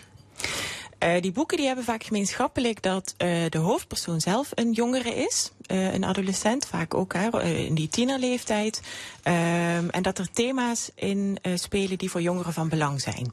Nou ja, dus dat kan zijn hè, de thematiek die jij net beschrijft. herkenning, identificatie vinden jongeren belangrijk. Dus daar... Eh, nou ja, vaak is het zo dat adult literatuur iets van herkenning kan bieden. Eh, omdat die literatuur wat dichter bij jongeren staat. Omdat de thema's voor hen van belang zijn. Hè. Dus het gaat niet om een, eh, ja, een 80-jarige die zich afvraagt... hoe geef ik zin aan mijn leven? Om even aan te sluiten bij het vorige onderwerp. Maar het gaat over dingen die in het leven van jongeren ook spelen. En daarom vind je het goed dat jongeren ook dat soort boeken lezen. Omdat ze aansluiten bij hun belevingswereld. Ja, onder meer. Maar die boeken die hebben, ja, die hebben jongeren ook echt veel te bieden. Je kunt bijvoorbeeld ook onderzoek doen naar goh, hoe wordt nou eh, die adolescentie, hoe wordt die eigenlijk verbeeld in die boeken? Wat voor beeld komt er eh, uit naar voren? En wat betekent dat voor hoe wij als maatschappij denken over die adolescentie? dus dat is wat je kunt ook betreft- echt wel kritisch. eh, ja, er is geen reden om daar laatdunkend over te Nee, doen. Dat, nee dat- absoluut niet. nee. Ehm, mogen die boeken ook op de verplichte leeslijst? Ja. Oei, handvraag. Ja. nou, ja, misschien eerst heel even kort over de verplichte leeslijst. Ehm, de- er is in Nederland niet zoiets als een verplichte leeslijst waar boeken op staan. Hè, die moet je gelezen hebben. Dat is nogal een misvatting die, eh, die er bestaat. Het is wel zo dat leerlingen in de bovenbouw van HAVO en VWO... dat ze eh, boeken moeten lezen voor hun lijst. Dat zijn er op HAVO 8, op VWO 12. Ja. Eh, maar zij zijn vrij om daarvoor de boeken te kiezen die zij zelf daarop willen zetten. Alleen is het in de praktijk zo dat de docent goedkeuring geeft. Hè. Dus een leerling gaat naar eh, een docent met een boek, mag ik dit op een leeslijst Ja. zetten? Nou, dan zegt die docent ja of nee en die heeft daar zijn redenen voor. En daar wordt nu ook allerlei onderzoek naar gedaan. Nou, wat zijn dan redenen van docenten om een boek goed te keuren Ja. of af te maar keuren? goed, de een is daar wat coulanter dan de ander. Ja, precies. Ja. En daarom wilde ik in kaart brengen voor mijn onderzoek. eh, hoe zit dat met young adult literatuur? Mag dat gelezen worden voor de leeslijst? Nou, uit mijn onderzoek blijkt dat een merendeel van de eh, respondenten aan mijn onderzoek het toestaat. Eh, Maar dat betekent ook dat de docenten zelf dat soort boeken moeten gaan lezen. Ja. Zijn ze daartoe bereid? Ja, de, de meeste wel. In mijn onderzoek blijkt dat, eh poeh, ja, ik heb de precieze cijfers niet, eh, niet paraat, maar een dikke drie kwart zegt eh, zelf young adult literatuur te lezen. En er blijkt ook een verband te zijn tussen het zelf lezen van young adult literatuur en het toestaan ervan op de leeslijst. Dus eh, docenten die het zelf lezen, die staan het eerder toe op de leeslijst en die oordelen ook positiever over de literaire kwaliteit. En dat vind ik wel heel interessante eh, ja, onderzoeksuitkomsten. Ja. En dat allemaal in het kader van de leesbevordering. Zou er ook niet iets moeten veranderen aan het literatuuronderwijs zelf? Wordt er nu niet veel te veel gehamerd op, op signaalwoorden, kernzinnen, dat soort dingen? Dat is toch de vraag, ja, moet, dat, moet Ja. dat nou echt? Om, om daar zoveel Ja, dat is dan eigenlijk leesvaardigheidsonderwijs. Dus literatuuronderwijs en leesvaardigheidsonderwijs, dat zijn nu ja, nog veelal eigenlijk twee aspecten van het eh, schoolvak Nederlands, die ook ja, op veel scholen wel losstaan van elkaar. Dus ik geef of een les leesvaardigheidsonderwijs of een les literatuur.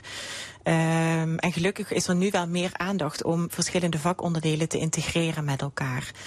Ehm, en er is inderdaad veel kritiek op. Ben je ja, het ben je het daarmee eens? Ben Ja, daar ben ik het mee eens. ja, Ja. ja. Want mijn eigen zoon zit op 5 VBO. Die kreeg deze week een proefwerk. Nou, hij krijgt twee zinnen voorgelegd. En toen was de vraag, hier komt hij. Hebben onderstaande uitspraken uit het handboek over de functie van literatuuronderwijs betrekking op de persoonlijke functies of de sociaal-culturele functies van het literatuuronderwijs? Ja, als je scholieren wil laten afknappen, dan moet je het zo aanpakken, denk ik dan. Ja, ja, ik kan daar niet heel goed iets over zeggen, want ik ken de context van die Nee, vraag niet. maar maar je- ik, ja, ik kan wel je begrijpt wat ik bedoel. Ja. Ja, je moet, je moet al eh, vijf minuten nadenken voordat je de vraag begrijpt. Denk ik, als je in 5 VWO zit. Nou, maar waarschijnlijk is dit wel iets waar die leerlingen hebben, die, die, die hebben die context gehad. Die weten, eh god, dit zijn doelen en dat zijn doelen. En ja, dus ik vind het heel moeilijk om daar, Nee, om daar zo zonder context ik. iets over Ja. te zeggen. Ehm Linda, je zei er straks, die young adult romans, eh, dat, die moet je ook zien als een opstap naar de volwassen, volwassenen literatuur. Dat kun je zo zien, inderdaad. Ja. Eh, dat, ja, we noemen dat wel de brugfunctie van young adult literatuur. Dus dat het inderdaad kan helpen als opstap naar literatuur voor volwassenen. Eh, omdat eh, sommige jongeren het moeilijk vinden om van de jeugdliteratuur hup naar die literatuur voor volwassenen te gaan. Dus nou ja, het, het vormt natuurlijk ook een mooie brug. Hè? Jeugdliteratuur, young adult literatuur, volwassenenliteratuur. Tegelijkertijd wil ik er ook voor waken om young adult literatuur alleen maar als een brug te zien. Omdat het ook echt boeken zijn die op zichzelf, eh, op zichzelf Mm. staan en op zichzelf nou ja, eh, grote literatuur vormen. Dus het is niet alleen maar een opstapje. Ja. Mario, hoe zie jij dat? Is het een soort brugfunctie? Ja, ik, ehm, ik, ik denk dat ik, ik ben het eens met eh, wat Linda zei. Want ik denk ook dat, ehm, dat, dat, dat sommige, ja, dat het vooral om de onderwerpen gaat in, in, in jong, young adult literatuur waar mensen zich mee kunnen identificeren. En ehm, in, naar mijn mening las ik dan las ik zelf ook boeken waar ik mijzelf mee kon probeerde te identificeren of juist probeerde uit te zoeken van goh, hoe gaan mensen daarmee om? Ehm, terwijl bij literatuur is het meer, ehm, ja, vind ik, als je, als je literatuur leest, vond ik meer zo van wat, wat kan dat. Hoe kan die literatuur mijn mening over bepaalde dingen beïnvloeden? Hmm. En dat vond ik wel interessant. Terwijl, ja, ja de young adult was meer, is meer voor mij gericht op hoe, hoe, eh, hoe sta ik erin en hoe kan dat boek mij helpen.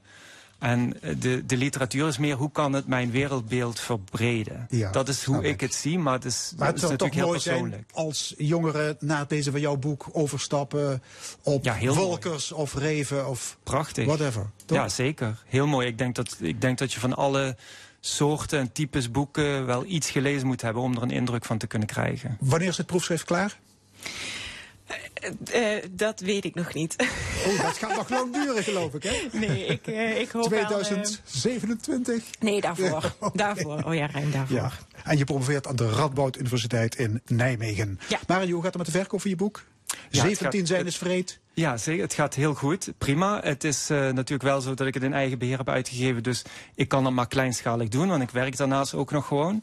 Eh, dus beetje bij beetje verspreid ik eh, het, het gebied waar het boek te koop is. Maar het is sowieso online te koop. En zou je weer 17 willen zijn? Eh, het is wel interessant. Ik zou het dan wel heel anders doen dan ik het nu heb gedaan. Nee, absoluut niet. Nee, nee, ik zou niet nee, weer 17 willen zijn. Hartelijk dank. Docent Linda Akkermans en schrijver Mario de Vouwis. Dankjewel. Dankjewel. En dit is de stemming. Na half één in ons programma dan bespreekt het opiniepanel het nieuws van afgelopen week. Daarvoor kijkt u nog de column van Rezi Kouwmans. Maar nu eerst Pearl Jam met Just Breathe.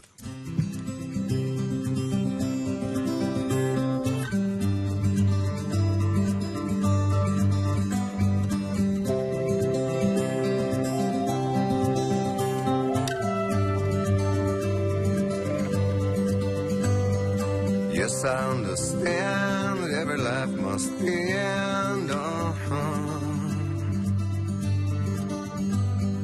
As we sit alone, I know someday we must go on. Oh, I'm a lucky man to count on both hands the ones I love.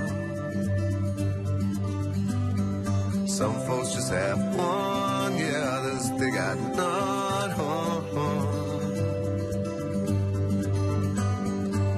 Stay with me, oh, let's just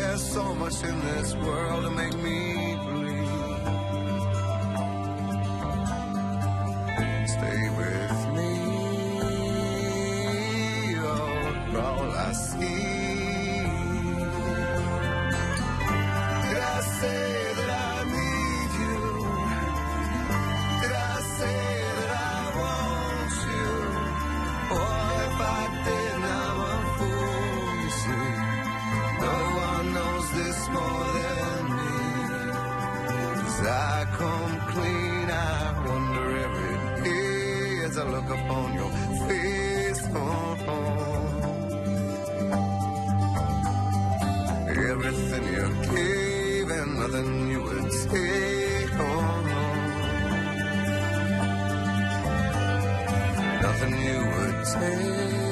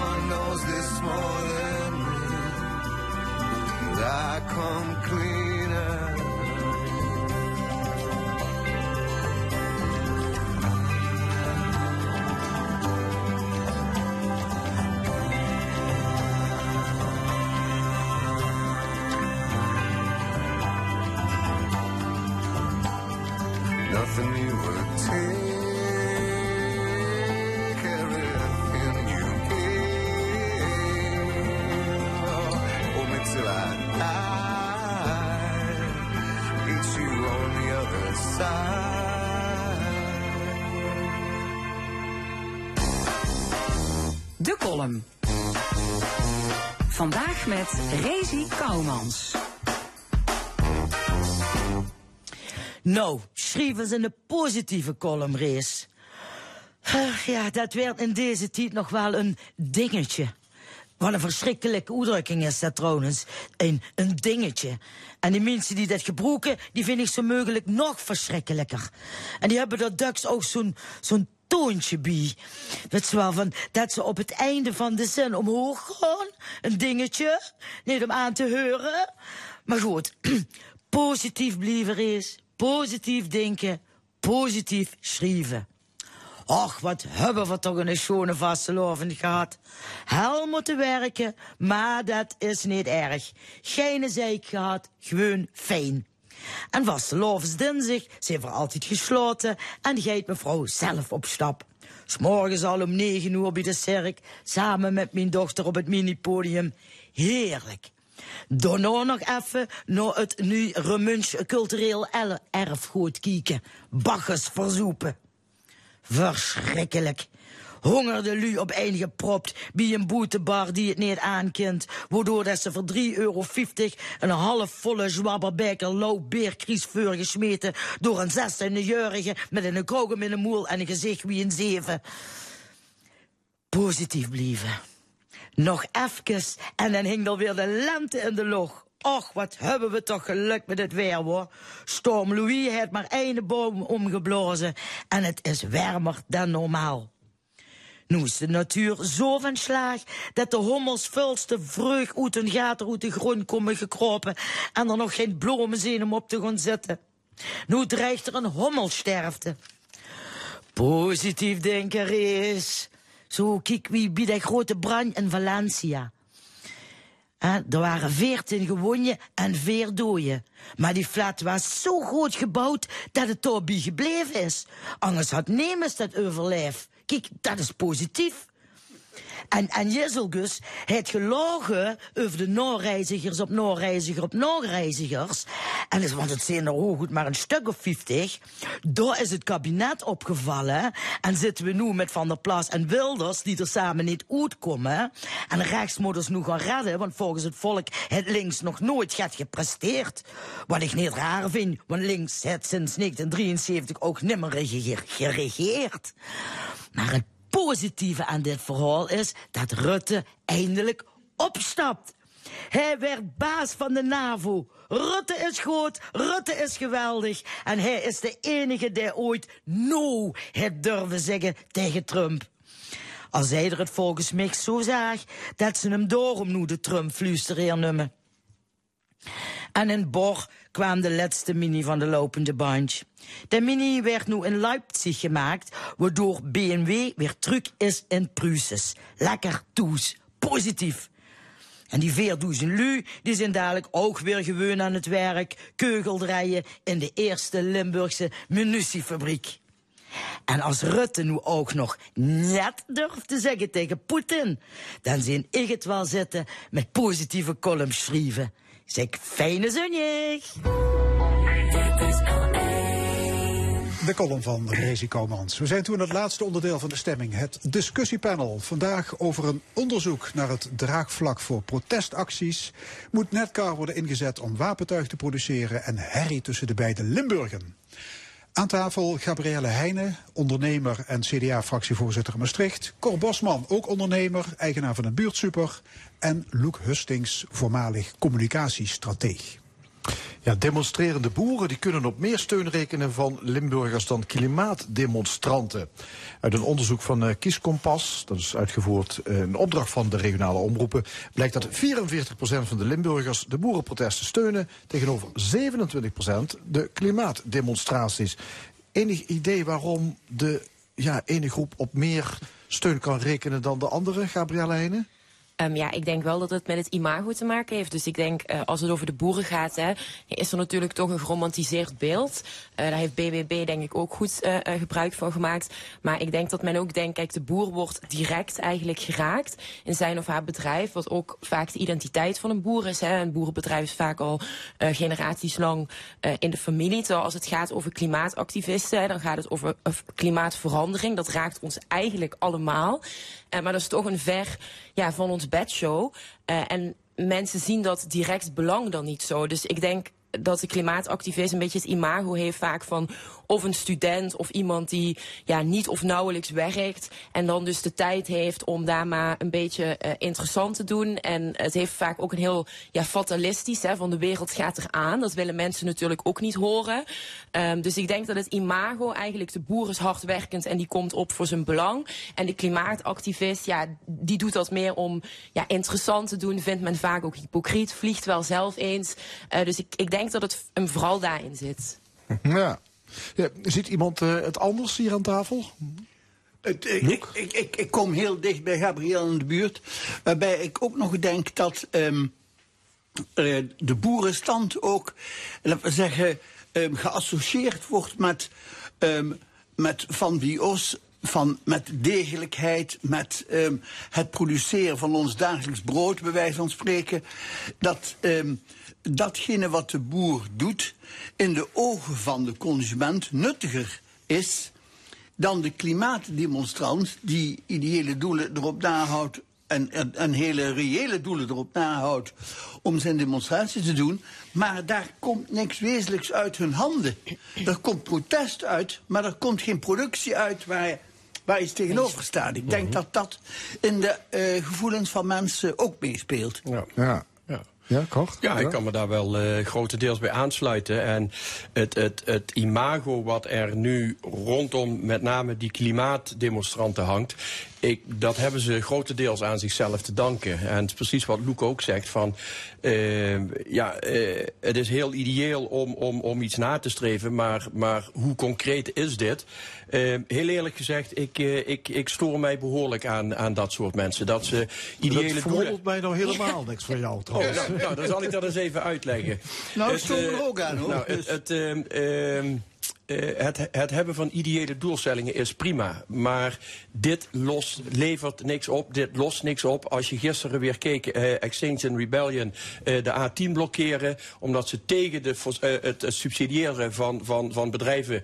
die in de fossiele sector bezig zijn. Nou, in dit geval was ING de Ja, sjaak nou, weer. dat heeft Extinction Rebellion wel op de politieke agenda gekregen. Dus je Heeft kunt wel zeggen, het levert niks Juist. op. Dat is maar de vraag. Alleen wat mij, wat mij daar heel erg in stoort is in dat rapport, daar wordt ook over eh, hooliganisme wordt er, eh, wordt er gepraat. Eh, en op het moment als een boer eh, eh, met een tractor over de A2 rijdt, dan, eh, eh, of, of, of ze blokkeren de grens, eh, daar, daar wordt nog wel begrip voor opgebracht. Eh, wat mij heel erg stoort is. Wa- Waarom mogen boeren dan wel ja. met die tractoren het- het- het- het- de deur van het provinciehuis binnenrijden? En, en Ja, mag je God, niet als je, als je, ik keur, dat, dat, keur ik absoluut, dat keur ik absoluut af.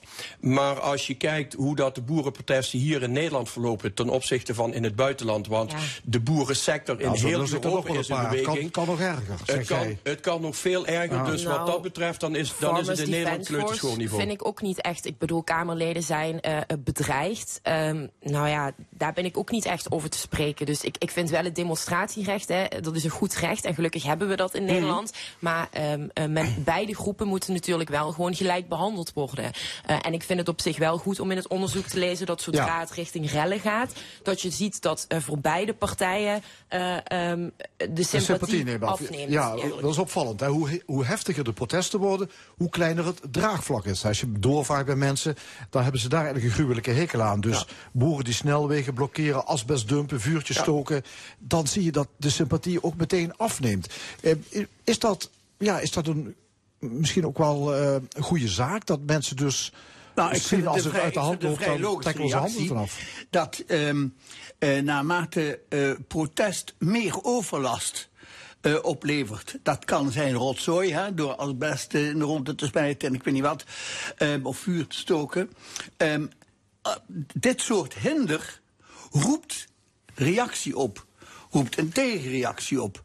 Naarmate je, die, je in staat bent om je protest of je zienswijze onder de aandacht te brengen en daar de sympathie van de mensen mee wint, win je natuurlijk meer dan dat je dat doet door mensen met de beste bedoelingen Maar Luc, als je gaat protesteren op het Malieveld, kraait er geen haan naar. Nee, dus je klopt. zult je toch iets moeten Nee, laten maar als invallen. je, Je als moet- je zag die mensen die zichzelf hebben vastgelijmd en dat agenten dat dan moeten gaan losmaken, ja, dat heeft toch helemaal niks meer met, met eh, het onderwerp waar je aandacht voor vraagt te maken. Dat is zo bijna op een kinderlijke manier, ja, uh, ruilschoppen. Ja, ik, ik vind dat ook wel echt eh, veel Ja, te ver. Maar, maar het op, opvallend is wel, dus, eh, we houden niet van heel hevige protesten. Toch zag je laatst ook weer bij die boerenprotesten dat het helemaal uit de hand loopt. Hè? Inderdaad, eh, over asbest op het wegdek, vuurtjes stoken, de zaak blokkeren.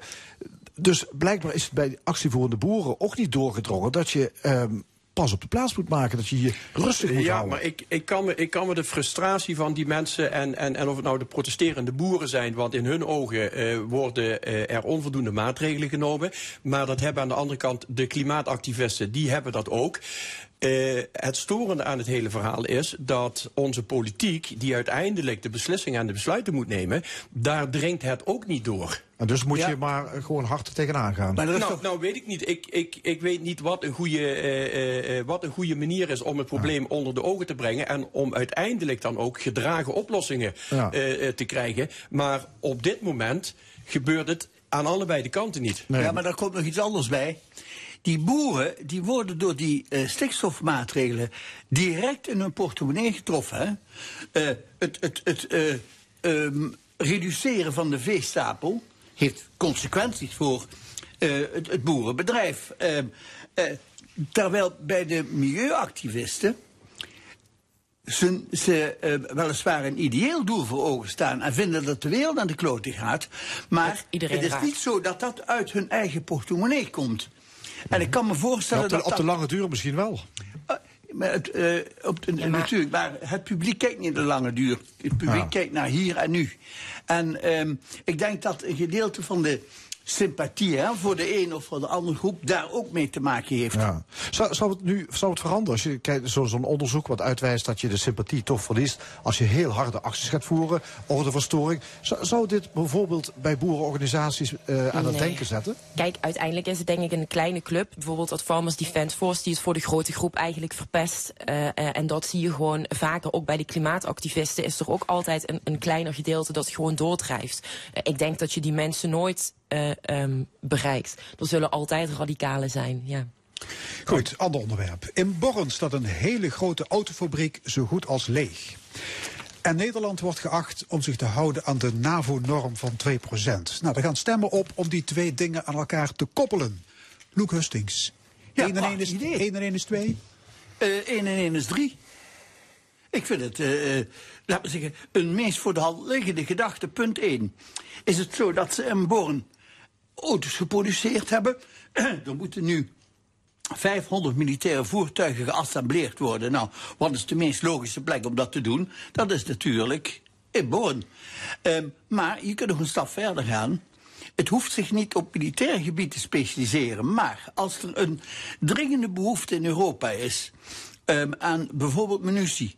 En je hebt daar grote industriehallen liggen. En je hebt daar eh, hopen mensen die eh, met de handjes in de lucht klaarstaan om ergens mee te beginnen. Dan vind ik dat je die zaken ook zou moeten combineren. Zeker tegen de achtergrond van het feit dat Nederland haar verplichtingen ten opzichte van de NAVO moet nakomen. En dus ook, ehm, laten we zeggen, als het niet met die 2% vol in geld is, dan toch wel op zijn minst een bijdrage in eh, een munitievoertuig of anderszins. Ja, Cor Bosman. Goede zaak dat een Ehm. Born militaire voertuigen worden geproduceerd, mogelijk. Ehm, dat in Born iets geproduceerd gaat worden met betrekking tot werkgelegenheid, dat vind ik een goeie. Ik, ik, ik, ik, ik, ik, ik zit alleen in dubio. Moeten wij een actieve bijdrage leveren aan de oorlog in de Oekraïne? Daar heb ik heel veel weerstand mee. Ehm, eh, kijk, die, die, die, die 2% NAVO-norm, dat zou op een andere manier zou dat, zou dat kunnen zijn. Ik begrijp eh, hoewel het eh, een lompe, botte uitspraak van Trump is. Maar ik begrijp wel dat Amerika dat als, eigenschap, hè? als, als, grootste, als grootste betaler, Amerika alleen betaalt meer dan alle andere NAVO-landen bij elkaar. Dus die 2% kan ik, kan ik mij voorstellen. Maar als wij actief, want we zijn al actief betrokken bij de oorlog in de Oekraïne. Als we dan ook nog eens actief gaan bijdragen aan het produceren van oorlogsmateriaal. Ehm, ja, ik, ik, ik, ik heb er toch wel weerstand Dus je bent het oneens met eh, CDA-europarlementariër Jeroen Leenaars, die deze week op L1-TV zei: We hebben bij Netcar prachtige faciliteiten om wagens in elkaar te zetten. Laten we daar vol op inzetten. Ook om onze bijdrage te leveren aan de veiligheid van Europa. Precies. Nou, Ik- dus, het nou, is ik niet alleen Oekraïne. Dus het is ook een goed doel. Ja, zeker. Ehm, kijk, we kunnen niet altijd afhankelijk zijn van eh, Amerika. Natuurlijk zitten we in de NAVO en eh, is het onze bondgenoot. Eh, maar Trump had een terecht punt. We moeten die 2% halen. En die 2% is uiteindelijk geld wat je dus gaat investeren in een munitiefabriek. En dat kan prima bij Netcar. Hè. Dat hebben, ze hebben al vaker ehm ehm, soortgelijk gedaan. Hè. Ze hebben de faciliteiten. Maar het gaat, het gaat niet alleen om Oekraïne. Hè. Je moet ook niet naïef zijn. Er kunnen ehm, meerdere dreigingen ontstaan voor Europa. En het is belangrijk dat wij eh, een sterk Europa zijn. We hebben defensie eh, eigenlijk jarenlang uitgehold. Dus we kunnen nu niet langer naïef zijn en denken Amerika redt ons wel. En ik ben het absoluut niet eens dat we Oekraïne niet moeten steunen. Onze westerse democratie staat uiteindelijk op het spel. En als Rusland eh, verder Oekraïne intrekt, ehm, ik denk niet dat het daar zal stoppen. En dan liggen ze ook steeds dichter bij de grens met Europa. Dus daar kun je niet naïef voor zijn. Cor Bosman, we moeten niet naïef zijn. We moeten Nee, we oppassen voor de Russische Nee, beer. we, moet- we moeten ook niet naïef zijn. Eh, maar wat je terecht zegt, we hebben jarenlang, decennia lang, eh, hebben wij onze, eh, eh, onze defensie, die is uitgehold geworden. Eh, nu ligt er een dreiging, bij wijze van spreken, vlak om de hoek in Oekraïne. Maar Oekraïne is geen NAVO-lid. Dat wij daar aandacht voor hebben, ben ik helemaal met je eens. En dat we onze de- eh, eh, democratische waarden en vrijheden, dat we die goed moeten bewaken. Maar op het moment dat Rusland of wie dan ook een NAVO-land aanvalt, dan heb je met een andere situatie te maken. En dan kan NAVO laten zien. Ook. Dan kan NAVO laten zien wat ze waard zijn. Lucas, ja, daar, eh, er is één punt, Cor, ehm, waar ik het niet met je eens ben. En dat is het feit dat wij ehm, bij wijze van spreken een oorlog ingerommeld zouden worden. Door het maken van munitie doe je iets anders dan door bijvoorbeeld actief mensen in te zetten die mee aan het front actief worden.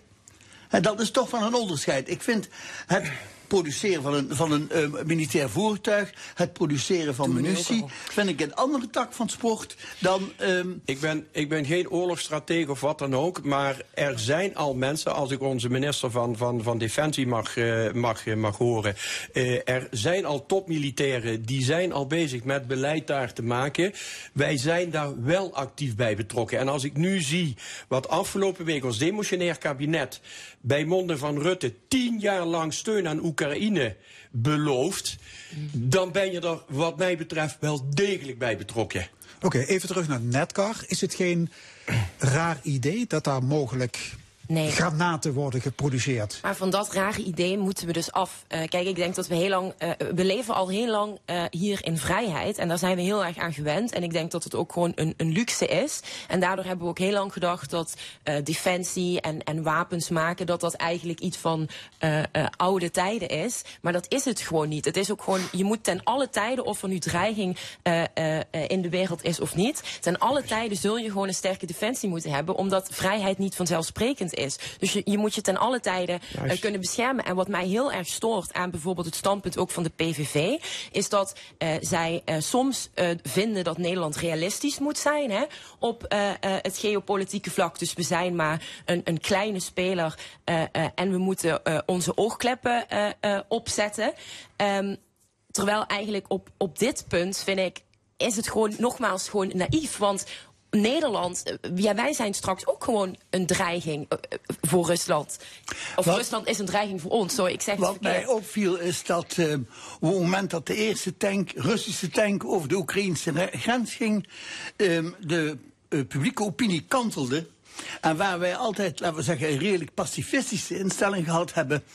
Eh, werd, ver, ver- verwaterde dat pacifisme naarmate ehm, de Rus Oekraïne meer introk. En ik heb de indruk dat op dit moment de stemming onder de bevolking in vergelijking met drie jaar geleden totaal anders is op dit terrein. Ja, nog niet zo lang geleden werd gedemonstreerd tegen de militarisering van Limburg. Ja, En maar- tegen de afzend, tegen het NAVO-hoofdkwartier in de Kannerberg. Ja, maar dat- tegen wapendepots in de oostelijke mijnstreek. Maar we zijn op dat gebied toch heel verwend. We zijn toch, ik bedoel, dat is ook, ja, ik vind het ook zorgwekkend. Hè. Heel veel mensen hebben PVV gestemd. En ehm, wat ik heel zorgwekkend daarin vind, is dat men echt denkt dat Nederland, dat je je kan afsluiten voor, eh, voor de rest van de wereld. Dat is toch gewoon heel naïef om te denken dat wij hier ons ding kunnen doen. En dat de vrijheid hier ja, vanzelf is gekomen en ook voor altijd vanzelf zal bestaan. Nee. Dat is gewoon niet meer de situatie. Vrij, vrijheid, is, vrijheid is nooit vanzelf, maar daar moet je dus ook heel goed voor waken. Alleen de vraag is op welke manier blijf ik daarvoor waken. Wij moeten ook niet vergeten wat in Oekraïne gebeurt is verschrikkelijk. Maar daar was al tien jaar lang, nog langer, was daar in dat Donetsk-gebied, was daar al, al, al een oorlog bezig. Dat Rusland dat gebied wilde annexeren. En, sorry. Maar het is toch en en. Het is en diplomatiek en je Juist, kan maar ook de, gewoon diplo- de diplomatiek maken. heeft daar gefaald, want ze zijn er niet uitgekomen. Zoals ik er naar kijk, als dat gebied wat Rusland betwiste, als dat bij Rusland was geweest, dan was er volgens mij was het klaar geweest en dan was er geen oorlog in de Oekraïne gekomen. Zoals ik er naar kijk. Maar nogmaals, ik ben maar een domme boerenjongen uit, eh, uit Nou ja, ik kan me nog herinneren dat wij hier ooit een keer hebben gezegd... nou, ik zie Poetin er echt niet voor aan eh, eh, om binnen te vallen, Ja. zeg maar. Dus ik denk ook wel dat, we, dat wij met onze denkbeelden van hier... Hè, van, nou ja, we gaan echt geen oorlog maken... dat wij Poetin ook zo hebben ingeschat. Nou, maar, dat is, Ja. maar dat, is goed, dat is goed dat je zegt. ik praat wel eens rechts en links met mensen die uit een ander deel van Europa komen. Vergeet niet dat de mensen die in Oost-Europa. Dus voormalige Oostbloklanden, Roemenië, eh, eh, Tsjechië, eh, Bulgarije, allemaal dat soort landen, eh, eh, Hongarije, die kijken veel anders naar deze Nee, situatie als wij hier Ik doen. heb een Hongaarse oma, hè? ik heb Hongaars bloed. Ik weet hoe het daar is met, met het communisme van vroeger. Hè? Als mijn oma een rode auto zag rijden, eh, dan zat de schrik er zeg maar Mhm. al in. En het stoort mij heel erg dat soms hier Nederlanders denken dat men daar met weemoed terugdenkt aan dat soort tijden. Nee, maar dat zeg ik niet. Mensen zijn daar voornamelijk ook bang, kunnen zich niet uitspreken zoals hier, kunnen niet demonstreren zoals hier. Dus ik vind, eh, we moeten daar niet met een geromantiseerd beeld naar nee, maar kijken. dat, nee, maar dat zeg ik helemaal niet. Ik zeg alleen dat de mensen daar anders naar de situatie in Oekraïne kijken als wij hier met onze westerse bril op doen. Oké. Zo, We gaan naar een eh, ander grensconflict, wat dichter bij huis. Eh, de verhoudingen tussen Nederland en België. Ja, het lijkt prima misschien, maar als je wat verder kijkt zie je tegenwoordig nogal wat eh, conflicten. Er is sprake van wat oud zeer misschien. Eh, dat was heel anders 15 jaar geleden. Hè. Toen stonden de beide gouverneurs van de Limburgen, die stonden nog volgens mij op het veerpont bij Berg aan de Maas en ondertekenden daar een Limburg Charter. We zouden heel nauw gaan samenwerken. Loek, jij woont over de Peul. Ja. Eh, is, daar, is, daar nog, is daar veel belangstelling in Belgisch Limburg voor wat wij in Nederland doen? Het verbaast mij dat dat ehm, vrij, vrij gering is eigenlijk. Ehm, het is zo dat, ehm, ondanks het feit dat ik al meer dan 30 jaar in België woon, ben en blijf ik een Hollander. Ik roep altijd dat ik eh, een Limburger ben en met Limburgse roots. Maakt niet uit. Ehm, ik ben toch voor de Belg de Hollander. En ehm, of dat nou Belgisch Limburg of andere gedeelte van België betreft, maakt het niet eens zo, zo uit. Ehm, voor een Belg is een Hollander niet te vertrouwen. En waar die voor oppast, als die in contact komt, CQ zaken moet doen met Nederlanders, dan weet hij van tevoren dat hij genaaid wordt. De vraag is alleen in welke mate die genaaid wordt. Ja, en en zo, zo, wordt daar, zo wordt daar tegenaan gekeken. Terwijl, als ik vanuit de Nederlandse positie naar België kijk, hebben wij veel meer iets nostalgisch, iets sympathieks. We vinden die Belgen wel leuk. En, en, Maar ook een beetje corrupt. eh, dat, dat, dat, dat- maar dat kan ik je vertellen, dat zijn ze ook heel zeker. Laten we zeggen, wat, wat eh, wij cliëntelisme noemen, hè? wat in deze gebieden uit ten boze is.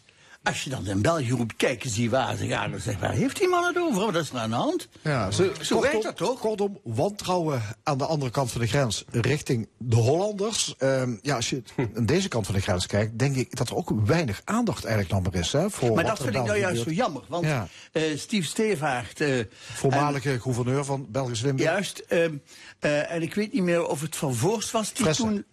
Wat? Fressen was tijd. Ah, Fressen, ja. Laten we zeggen, die... eh, kijk, uiteindelijk, het gebied is heel erg op elkaar lijkend. Het spreekt voor een gedeelte dezelfde taal. Het ligt tegen elkaar aan. Weliswaar gescheiden door de Maas. Ehm, eh, cultuur, culturele verschijnselen als carnaval vind je links en rechts van de grens en zo. Er zijn best veel vergelijkingen. Ehm, het was helemaal niet zo gek om, eh, laten we zeggen, die twee partijen samen te voegen en ook te voeden met, met elementen waardoor daar ook een samenwerking zou kunnen ontstaan. Ehm, het heeft, doordat die voormannen. Hè, eh, Steve Sevaart eh, is aan zijn einde gekomen en eh Frisse heeft de bal inmiddels ook moeten doorgeven. Als dit soort voormannen niet aan de kar blijft trekken, dan is het jammer genoeg afgelopen. En dat heeft- afhankelijk zijn van die Waarom twee. zouden wij eh, ook van onze kant van de grens... Wij hebben ook eigenlijk weinig aandacht voor nou, België. ben ik het niet mee eens hoor. Eh, want eh, de, de tram stond ook in dat stuk opgenomen. Ja. Hè, met eh, Ja. Maastricht natuurlijk. Eh, we- Ja, wij dat willen is- dat geld terug van de Ja, Belgen. dat is een van de conflicten. Hè? Ja, Maar, ja. En uiteindelijk als gesprekken eh, eh, stuk lopen, ja, dan, dan ga je eh, rechtelijke procedure Ja. volgen. Even uitleggen, er was een, een tramverbinding, zou er moeten komen tussen Naar Hasselt en Hasselt. Maastricht. Ja. Gaat niet door. Maastricht en de provincie willen nu, geloof ik, 20 miljoen terug Ja. van België. En het was altijd Van een de beetje gelden een die ze spel. al geïnvesteerd hadden. Ja. Ja, en het was altijd een spel van wie trekt als eerste de stekker eruit, want die komt aan het betalen. Dus dat zorgde er ook voor dat er jarenlang eigenlijk geen eh, politieke doorslag kwam van oké, weet je, het, gaat hem eigenlijk niet worden. Ehm, maar ik ben het niet eens met, ehm, ik zie heel veel ambitie, zeker in eh, eh, Zuid-Limburg, om die grensoverschrijdende samenwerking eigenlijk op gang te laten komen. En ik heb, ben wel positief als het gaat over het onderwerp hoogwaterveiligheid. Want door die overstromingen in 2021 is eigenlijk de noodklok geluid van we moeten beter samenwerken. Want je ziet gewoon als er in eh, luik beslissingen worden genomen met betrekking tot het water, kan dat enorme gevolgen Ja. hebben hier. Dus dat heeft wel, denk ik, echt wel aan het denken gezet. Dus- ja, maar is dat zo? Eh, Als je kijkt naar de, de, de, de, Maar zal dit maar zijn- zeggen, de provinciebesturen, Mm. die vergaderen nooit samen. Nee, dat, dat, dat vond ik wel heel erg opmerkelijk. Want Eh, de, de, de, de media, wij ook niet. Wij- er wordt nauwelijks over en weer eh, eh, aandacht in de berichtgeving. Ik heb recent met CD&V en eh, Ja. CDU samengezeten. Dus ehm, Ja. eh, ik denk politieke partijen eh, eh, doen dat wel. En die kunnen op die manier natuurlijk ook zorgen dat je bepaalde dingen eh, overal op de agenda zet. Ja. Maar als je praat over provinciaal overleg, heb je ook nog een keer, als je eh Luik erbij haalt, eh, dat mensen niet met elkaar kunnen praten. Nee, het wordt ingewikkeld. Maar er zijn, er zijn wat conflicten. Hè. Je noemde al de, over de tram. Nederland wil geld terug voor investeringen die gedaan zijn in een tram die er niet gekomen is. Eh, er, is ook, eh, er worden ook bezwaren gemaakt door Nederlandse provincies. Dat zijn dan Brabant en Zeeland. Tegen een eh, eh, investering in de Antwerpse haven. En eh, de Vlaamse minister van Omgeving, Demir. Die heeft nu eh, protest aangetekend Uit tegen... Maasmechelen, hè? Uit Maasmechelen, ja. Ehm, eh, nee, die komt uit Genk, hè? Wat zeg je? Ze wonen Genk. Ja, ze wonen Ja, maar ze is, ze is Ja, maar de- de- de- tegen wet, tegen, tegen lozingen van, eh van het Gemmelot-terrein. Dus er zijn best wel wat conflicten over. Nou, je, moet je, je, moet je, bij dit, je moet je bij dit soort samenwerkingen, eh, wat, wat ze voor ogen hadden, moet je je afvragen, wat is het nut en noodzaak van die samenwerking? Wil je een vriendschappelijke samenwerking hebben als goede buur? Beter een goede buur dan een verre vriend. Dat is één. En als ik kijk naar 15 jaar geleden, dat was eigenlijk een beetje de gemeenschappelijke deler wat ze, wat ze hadden. Als een goede buur met elkaar samenwerken. Maar dan zie je uiteindelijk toch dat de eigen belangen, dat daar de botsingen in komen. Dat het belang van eh, Belgisch Limburg en Nederlands Limburg, daar zit, daar zit discrepantie tussen. En dat zorgt dan ook. Een, een, een tramlijn eh Hasselt-Maastricht is gewoon een, een echt een hersenspinsel wat je op twee vingers kan uittellen. Dit, dit is gedreigd, gedoemd om te mislukken. Wat, wat Gabrielle zegt van eh, het nut en noodzaak van een hoogwaterbescherming, dat zijn nuttige zaken waar je als landen mee moet, zou, moet Ja. kun- kun- kunnen samenwerken. Maar een tramlijn, alsjeblieft jongens. Maar dan kun je ook niet alleen maar voor je eigen hachje Nee, gaan. en dan zeg kun je maar. dus niet meer voor je eigen. Dat Maar, maar zou, dus- zou de emotie meespelen op het moment Zeker. dat eh Demir eh, kritiek heeft op de lozingen van Gemmelot, wetende dat er dus een claim is Ja. eh, van 20 miljoen aan de Belgen om terug te betalen, gaat dan de emotie meespelen? Gaat men dan zeker. kijken, Ik, maar ik kunnen vind we ze vooral bij de terugpakken? Belgen. Ik vind dat vooral bij de Belgen. Ik vind de uitspraken die zij doen.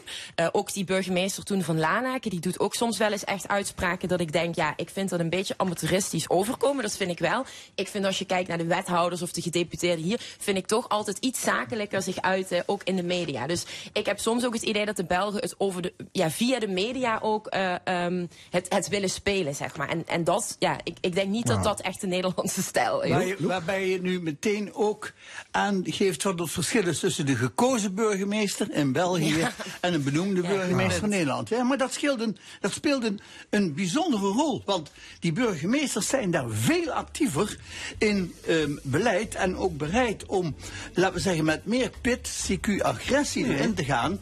Terwijl een Nederlandse burgemeester een bestuurder Dus, blijft. dus het eigen belang. De eindtune klinkt. We moeten afronden. Hartelijk dank, discussiepanel. Vandaag met Gabrielle Heijnen, Cor Bosman en Luc Hustings. En dit was de stemming vandaag gemaakt door Tino Hollemon, Fons Geraas en Frank Ruber. Graag tot volgende week zondag, 11 uur. En dit programma is eh, terug te luisteren via onze website l1.nl en ook via podcast. Eh, zometeen op deze zender muziek. En ik wens je nog een mooie zondag. De zalige zondagmiddag. Een zalige zondagmiddag. Nog een mooie dag. Tot de volgende week.